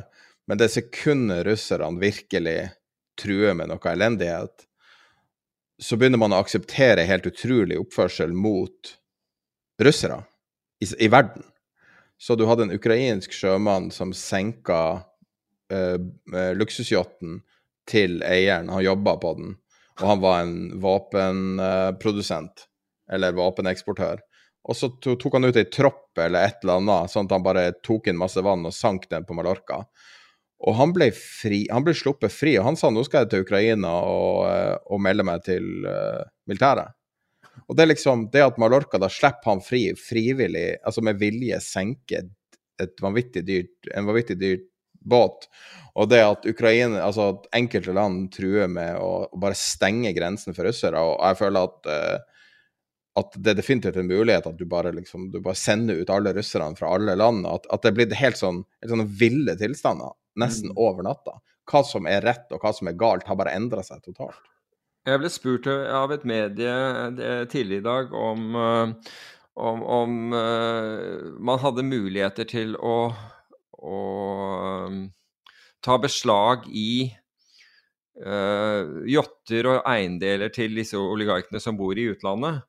Um, og, og, mitt svar på det var at jeg, det vet jeg ikke, du må snakke med en jurist om det. Men jeg, jeg vil jo tro at veldig mange av disse her er registrert i forskjellige, om, altså forskjellige jurisdiksjoner, og at det ikke er en enkel ting å gjøre. Og, og spesielt ikke når den enkelte, den enkelte eier av disse ikke er blitt anklaget for, for, å ha gjort noe. Så jeg vil jo tro at det er en Altså at man fryser midler gjennom banksystemet osv. Det, det, det skjønner jeg at man, man kan gjøre, i hvert fall for, for, en periode. Men at man begynner å legge beslag på Og som jeg sa her, altså i tilfelle London, som da, hvor russere har, har kjøpt opp eiendommer og, og, og, og, står for ganske store inntekter for byen, altså bare gjennom, gjennom sitt uh, levesett. Jeg vet ikke om uh, jeg, vet, jeg vet, ikke engang om det er politisk vilje til å gjøre noe sånt, for å være helt ærlig. Ja, men det er det jeg mener, at uh, litt sånn som når korona traff, så endra verden seg for alltid. Og en av de tingene verden endra seg med, var jo at vi så hva som var mulig å gjøre, hvis man virkelig vil. Mm. Og jeg, jeg, lurer litt på om denne reaksjonen mot Russland nå er enda litt mer kontant fordi at vi har lært oss pga. korona hva som er mulig å gjøre. Hvis man virkelig vil. Ja. Altså, jeg, jeg jeg prøvde å liksom tenke på en konklusjon på, på, på det vi sier. Altså vi, for vi er nå i en, en situasjon hvor vi, vi med, med, stor usikkerhet, og hvor vi vet lite. Vi får liksom informasjon inn, men vi vet lite om hvordan sånn er. og det er jo liksom hvis jeg, skulle, hvis jeg skulle sagt noe, så ville det være beskytt, beskytt verdiene dine og, og, og, og, se etter muligheter. Altså der, Dersom du, du, du, har anledning, det er jo alt du egentlig kan gjøre i en i en, eh, i en slik situasjon. Og når jeg, når jeg sier beskytt eh, verdiene dine, så er det ikke sånn at du, du, du, du kaster deg ut av, av, markeder og alt mulig sånn. Altså, det er bare at du tilpasser uh, farten etter forholdene, risikoen etter, uh, etter, uh, etter, etter, ditt eget mavemål. Det er jo det det handler om. Og så kan vi ta da det siste perspektivet, som er USA. nå er det jo i likhet med veldig mange andre så er jeg litt lei av at hver gang noe skjer, så skal man drive og diskutere amerikansk politikk Eh, som tilsynelatende ikke er så relatert til det her. Men akkurat i situasjonen rundt Russland og Ukraina, så er vel kanskje amerikansk partipolitikk uvanlig viktig. Eh, I kraft av det du snakka om i forrige episode, som var muligheter for å svekke Nato via Trump. Trump har jo vært også en av de få på jorda som har støtta Putin. Ja. Eh, I helga gikk han ut og modererte seg. Uh, I likhet med Fox News, som også har støtta Putin på spalteplass. Og, og når jeg, du går inn på Fox News nå, så er det langt mer differensiert, og, og de er mye mer lik på en måte den uh, generelle um, verdens nyhets, uh, nyhetsbildet, da, eller hva man skal kalle det. Um, hvordan vil du se det her fra et amerikansk perspektiv, et land som uh, går inn i et valgår, eller som er i et valgår, uh, som noen mener er så viktig at det kan handle om hele konseptet demokrati? Uh, hvordan det valget slår ut. Og at du får en sånn store maktforskyvninger fra dag til dag, og hvordan er det her fra et amerikansk perspektiv? Ifølge uh, det var vel Bob Woodward som, som Bob Woodward skrev den ene boken om Putin, gjorde han ikke det? Jeg bare prøver å huske ja, Trump, ja. ja. Unnskyld, om, om, Trump, det var det jeg mente. Men i, i, i den boken så så, så fortelles det en historie hvor at Trump ville trekke NATO ut, uh, unnskyld, USA ut av Nato, og det var bare rett og slett at man tok dokumenter av skrivebordet hans, altså som han skulle eh, skrive under, på natten. Altså han skriver under på disse, disse på morgenen, som, som, gjorde at ikke det skjedde. Altså De var helt på nippet, altså Trump, til å trekke USA ut av Nato. Og vi, vi visste jo på forhånd at, var, at, at han, hadde, han, hadde, snakket om det. og, og også tonet ned en artikkel 5 og hvorvidt man kom til å reagere på det hvis eh, USA ville være med på det. Um, så jeg tenker jo det at hvis, hvis, Putin skulle komme styrket ut av dette, så vil man antageligvis gjøre den påvirkningen man kan for å få Trump eh, til å, bli president. Og, og, det, det, fant man jo ut at hadde skjedd i 2020, eller forut for valget. Da, da, da hadde Unnskyld, i 2016 da Den undersøkelsen viste jo at russerne hadde eh, det, det var, den konkluderte med at russerne hadde, hadde påvirket valget. Det den, det den, ikke konkluderte med, eller det den ikke fant bevis for, det var at uh, uh, Trumps folk hadde, hadde delt, vært delaktig i det, eller vært medsammensvoren, om, om du vil. Uh, men faktumet var at, at russerne hadde påvirket valget i favør av Trump. Og du kan jo da tenke deg, altså hvis, du, hvis Putin styrket ut, altså skulle komme styrket ut av denne situasjonen, så påvirker man valget i USA igjen for å få, for å få Trump uh, uh, elected, hva heter det, valgt. Som da og, trekker, og, USA blir trukket ut av Nato. Da kan du tenke deg hvordan, hvilken situasjon Europa ville plutselig befinne seg i. Og det er en skremmende tanke. På den annen side, hvis, hvis Putin nå blir svekket, så vil sannsynligvis også Trumps kandidatur også bli svekket på, på, samme måte. Og det vil være langt tryggere for, for NATO, altså europeiske Nato-medlemmer uh, fremover. Men det er, det er, den mest skremmende tanken jeg har når det, når det gjelder det. Kan man ikke argumentere med at uh, verden kan ha blitt tryggere av det som har skjedd? Nettopp pga. det du beskriver her det at hvis man faktisk uh, får et slags bevis på at det er ei grense for hva verden kollektivt tolererer fra bøller, mm. og du kan ikke bølle til evig tid Til slutt så sier dem, uh, dem som i folk, folket sier det her er der grensa er, og vi aksepterer ikke det. Og nå må du svi helt grusomme konsekvenser. Jo, altså, men, det, men, det, forutsetter at, at, det blir gjort. Altså at folket at folket reagerer. Altså, jeg tror jo at det vil, vil skje. Altså, som sagt, det lenger eh, denne, denne, krigen Jeg holdt på å kalle det konflikt, og det er det jo ikke. ikke? Man skal være veldig forsiktig med hva, hva man, altså, hvordan man betegner det, for det er jo en krig. Um, det lenger den, den, den, pågår, det større tror jeg sannsynligheten er for at folk reagerer. Altså folket da som, som russerne. Og, og svekker Putin. Men det, det, forutsetter så Og vi vet jo ikke utfallet av disse tingene, men, men så det er på en måte det første som Første, første tegnet da, er, er, jo nettopp at, at han blir, blir svekket. Kan jeg stille deg et dumt spørsmål? Sitter Putin på Nå var det et retorisk spørsmål, du svarte ikke. Eh, sitter Putin på det lange bordet i forhandlinger bare fordi han er, skal tøffe seg og se, se, ut som han er mektig, eller er det også et snev av at han er redd for dem rundt seg? redd for å få korona. Nei, redd for å få ei kule i bakhodet. Nei, nei jeg, jeg, jeg tror det der er en rent maktdemonstrasjon. Altså, den er en sånn en infantil maktdemonstrasjon. På samme måte som han visste at eh, Angela Merkel var, var livredd hunder, så fikk han jo en hund inn uh, under, en, uh, under, et møte med henne, som, hvor, hvor pressen var.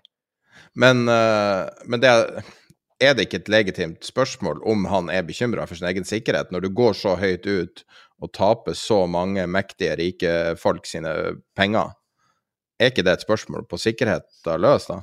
Jo, men altså, jeg tror vel Altså, jo, er, er, svaret på det. På samme måten som, uh, som, jeg, som mange tenkte på Trumps sikkerhet med alt det han, han gjorde.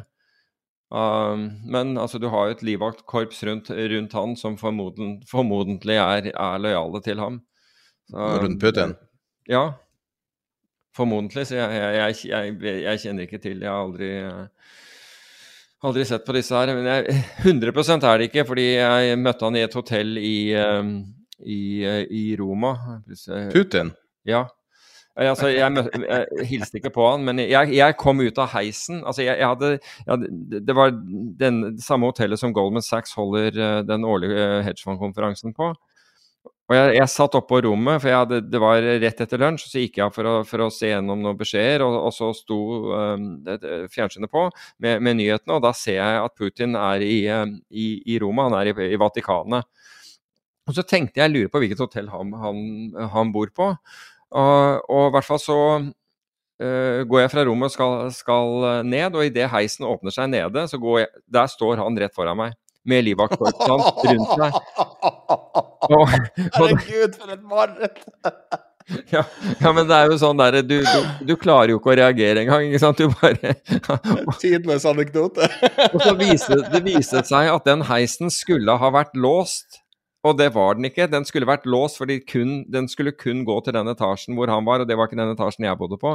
Um, den skulle kun gå der, og det hadde skjedd et eller annet der. altså Livvaktkorpset de, de sto jo der, men de, de, de så jo utover mot i foajeen. For når du kommer inn Hva er det det hotellet heter? da? Det ligger opp ovenfor uh, Vatikanet. Du ser ned på Vatikanet fra dette hotellet. Men det er veldig fint. Men i hvert fall um, så Når du kommer inn, og så går du rett, rett inn til venstre, så kommer du til, til, til heisene. Så idet døren går opp, så ser jeg rett, rett, på han. Jeg ble jo like perpleks som det han ble. Um, og, og, og, gikk til side, og så gikk liksom denne, denne gjengen inn. Um, Hvor høy er ikke han veldig liten? Uh, jo, altså, men jeg, jeg, altså, jeg ble så perpleks, jeg vet ikke hvor, hvor, høy han er. Men han, han, var, han, virket lavere enn meg, det gjorde han jo. Men uh, men, var, men, i hvert fall eh, Det preget jo selvfølgelig hotellet. Men det var ikke sånn lockdown på hotell sånn som det var da jeg var i Beijing og Hillary Clinton kom. Hvor liksom de hadde metalldetektorer og, i flere dager før, før hun ankom, og Secret Service var alle steder. Eh, sånn, Men ingen slår jo amerikanerne på paranoia, da. Nei, nei, det er sant. Og, så det var mye mindre eh, oppbud rundt, rundt, eh, rundt han. Altså. Så, men det var den eneste gangen jeg så han, det var akkurat der og da. Men ellers så så, så jeg entouraget hans på uh, i hvert fall noen av disse på, på natten. Det var noen kokker og noen greier som var panserdrita. Uh, i, i, i, nede i, en av, en av sidegangene til foajeen. Herregud, for en historie. Ja. Eh, men, men, men, men, nok om det. Så hva, jeg ville si var at sikkerheten hans var ikke 100% den gangen. Det var, var vel egentlig konklusjonen. Men er det ikke litt problemet når du har livvakter? Det er det jeg alltid har lurt på med de her eh, Altså, eh, hvis du f.eks. bor i et fancy hus, og så har du masse livvakter f.eks. som patruljerer om, området. Det har jeg alltid stussa på. Hvordan vet du at du kan stole på dem? Ja, det er jo det som er, er, eh, er, er problemet, og det har jo vel vist seg i noen tilfeller at, at, du ikke kunne gjøre det. Men det har jo aldri skjedd med f.eks. Secret Service-livvakter, og, og, det er jo en sjeldenhet da, gjennom screening og osv. Ja, jeg tenker på sånn som han russiske eh, milliardæren på Mallorca, som sikkert ikke tenkte at uh, den her uh, sjømannen, ukrainske sjømannen var en uh, risiko. Nei, og plutselig så ligger båten hans på, på bunnen av havet, liksom. Ja, de vil nok tro at de som er på innsiden der, er, er, er klarert og, og, og, greie. Men det som normalt sett skjer, og så vet jeg ikke hvorfor ikke det skjedde i dette tilfellet, det er jo at en fortropp kommer Uh, kommer først. Altså, og den, den, for det første har de jo sjekket ut alt på hotellet, og, og at alt er i orden, og at liksom, en heis er sperret. Og så vil de stå der og holde, dette her, og holde det åpent og holde det klart, slik at når han kommer, så går han bare rett inn i en, i en heis som er, som er åpen. Det, det, er jo måten, ikke sant. Og da, da står de på etasjen oppover og, og tar han imot. og altså, Alt er på stell, da. For, det, altså, for, når han kommer da med sine personlige livvakter rundt seg, så er jo det, er jo det på en måte det kringvernet rundt han. Mens, mens, plassen ellers er allerede sett på. Det var jo italienske ja, både sivile og, og, uniformert politi der. Uh, som, du, som, du, så i foajeen, så det var jo fullt liksom, sikkerhetsoppbud. Så hvorfor, de hadde, hvorfor den fortroppen ikke hadde sikret det allerede, det aner jeg ikke. Men, men, det var jo sikkert en av disse gutta som kom med han, som trykket på heisen idet han kommer, og, og så, så, er, så, er, det en person i den, og det skulle det jo ikke være, for å si det på den måten. Men det er jo det vanlige. Det er jo det vanlige at noen går og sikrer området på, på, på forhånd. Altså, og før det så har du, har du gjort, har det blitt speidet på altså, og sjekket ut og alt mulig. Ja, men det jeg lurer på er med det her er, altså Det er jo mye sikkerhetsteater som foregår rundt uh, sånne her situasjoner. Og da er Blir dem Får Altså ender han opp med å sitte igjen med et urealistisk syn på sin egen sikkerhet? Det, det, vet jeg, det, vet jeg, ikke. Altså jeg, vet mer, altså jeg vet veldig lite om sikkerheten rundt han, men jeg vet en del mer om sikkerheten rundt den amerikanske presidenten. Og når han f.eks. kommer til Norge, så har jo de en pakke som de da forlanger at, eh, at man skal uh, iverksette uh, her f.eks. I, i Norge, og vil presentere det for politiet. Og så forhandler man, for den pakken den vil jo koste en formue. Og så forhandler man på de punktene man kan, liksom ned til fordi aldri, du godtar aldri den pakken, men du forhandler det ned mest mulig uh, til, til, det de Det som er akseptabelt for dem. Men det er, en, det, er kost, det er, en, kostbar øvelse. ikke sant? Altså I tilfelle amerikanske president så stenges jo luftrommet i halvannen time eller noe sånt, og det er helt voldsomt. Ja, nå har jo Russland heldigvis eh, for deres del da, stengt luftrommet både sjøl og fra Ja, nå har de stengt uh, fra utsida, altså fra innsida også, så Nei, det er litt av en situasjon vi er i nå. Kall, hva er det det hotellet Jeg irriterer meg at jeg ikke husker hva det er hotellet Cavalieri heter det. Cavalieri heter det hotellet eh, som, i, i, Roma. Jeg tror Men det er utover i... å følge nyhetsbildet nå, ikke for å avbryte uh, ikke, Sorry. Men, men hva, hva, skal man gjøre? Hva er Hva skal man tenke og føle, vel kanskje nesten Mange ser til deg å, som ei ledestjerne på sånne her type ting. Det, var, eh, det, det, er en ansvarsfull rolle hvis det er tilfellet. Men du kan si at jeg vil jo Altså hvis, hvis, du ikke har beskyttet, og du føler at du burde ha beskyttet porteføljen din, så ville jeg gjøre ting altså Var det meg, så ville jeg gjøre type puttspredder, rett og slett fordi volatiliteten er, er, kommet, er, er høyere. Og jeg ville f.eks. beskyttet porteføljen Altså hva er det du kan leve med? Altså Kan du leve med at markedet faller 10-20% uten at det er noe uh, problem? Greit, da, ikke sant? så kan du ha kan du ha en puttspredd fra la, la, oss si at du, du, tåler et fall på 10% men du vil ikke ha ikke sant? Men, men, du vil bli beskyttet etter det, så kan du kjøpe en put-opsjon, altså en salgsopsjon på 10% ned f.eks. på indeksen.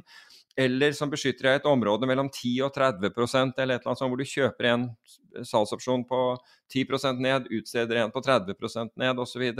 Slik at du er beskyttet i et intervall det er mange ting du, du, du kan gjøre. Du, altså, det handler jo om å avpasse farten etter forholdene. Og Det jeg sagt hele tiden, at, at, at, det er ingen som kjører altså på, Det er ingen som vil sette av gårde på en, en uh, isete skogsbilvei med én hastighet på gassen som du ikke kjenner. Altså, og, og, hvis du gjorde det, så ville du kjøre sakte. Men, det, men det, det handler jo om å variere farten etter forholdene. Nå er det jo nå er det mye usikkerhet der ute. Og hvis porteføljen din er satt opp slik at den tåler den usikkerheten, vel, greit. Da, da, da har du svaret. Da har du, Da har du en ok portefølje. Hvis du derimot ikke får sove om natten Og jeg har opplevd det der. Jeg har opplevd posisjoner hvor, eh, som har holdt meg våken om natten. Og da, min reaksjon på det, det har vært å komme inn på jobb neste morgen og selge av så mye til at jeg, til at jeg sov godt neste natt. Om det at jeg må selge 10% 20% eller halvere på, på, på, posisjonen Jeg kan alltids komme meg inn igjen, men så jeg har bare gjort det helt til jeg, til jeg, sover godt om natten. For jeg vet at du fatter ikke gode beslutninger hvis du ikke har, hvis du ikke har tilstrekkelig søvn. Ja, det er et ganske godt råd, da. Men det er også da mer risiko enn at du selger på bunnen?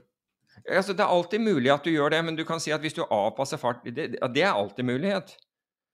Men, all, men, men, eh, altså, men, folk har jo aldri noe problem med å kjøpe på topp heller. Så du mener det er verdt å selge på bunnen? Nei, altså, du... nei du, du, vet jo ikke at det er bunnen. Altså, tro, altså, Greiene er at du er, du er, redd i denne situasjonen som altså hvis, Presumptivt, da. Du, du føler så pass mye ubehag på, på den nåværende situasjonen at, er, at, at, det virkelig plager deg. Da er, altså, da er, er svaret så demp risikoen til du ikke føler det ubehaget lenger. Da har du antageligvis hatt for mye risiko. Så du, du, kan si hvis det, var, hvis det viste seg å være en lokal, lokal, bunn Vi vet jo ikke hva som er bunnen. Vi har ikke peiling på, på hvor, hvor, den er.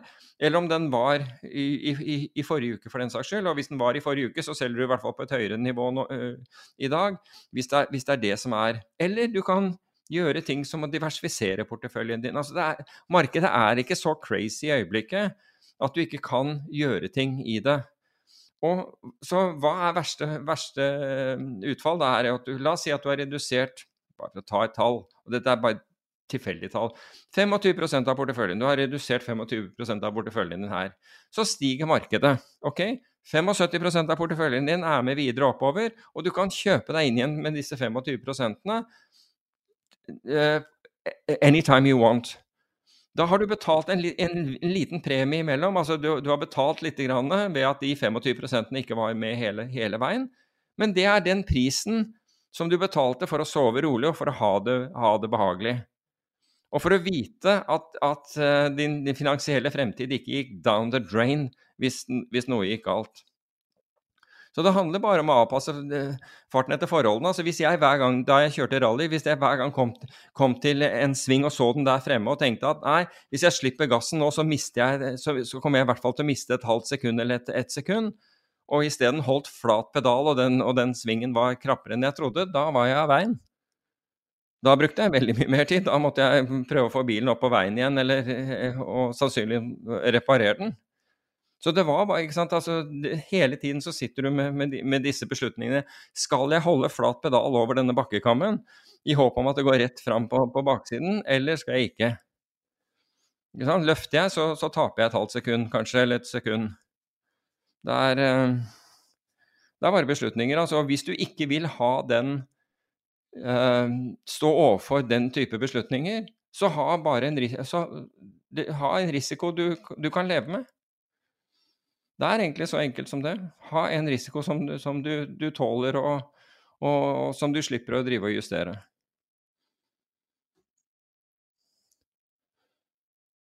Ja, altså jeg, jeg tror det er gode råd, råd, over tid. Men vi må huske at, og det, og det er problematisk, at vi har hatt en usedvanlig lang og lite usikker eh, oppgang i markedet som kulminerte som kulminerer i, i, år. Og den kulminerer fordi sentralbankene står ikke der og driver med støttekjøp, eller i hvert fall ikke den amerikanske.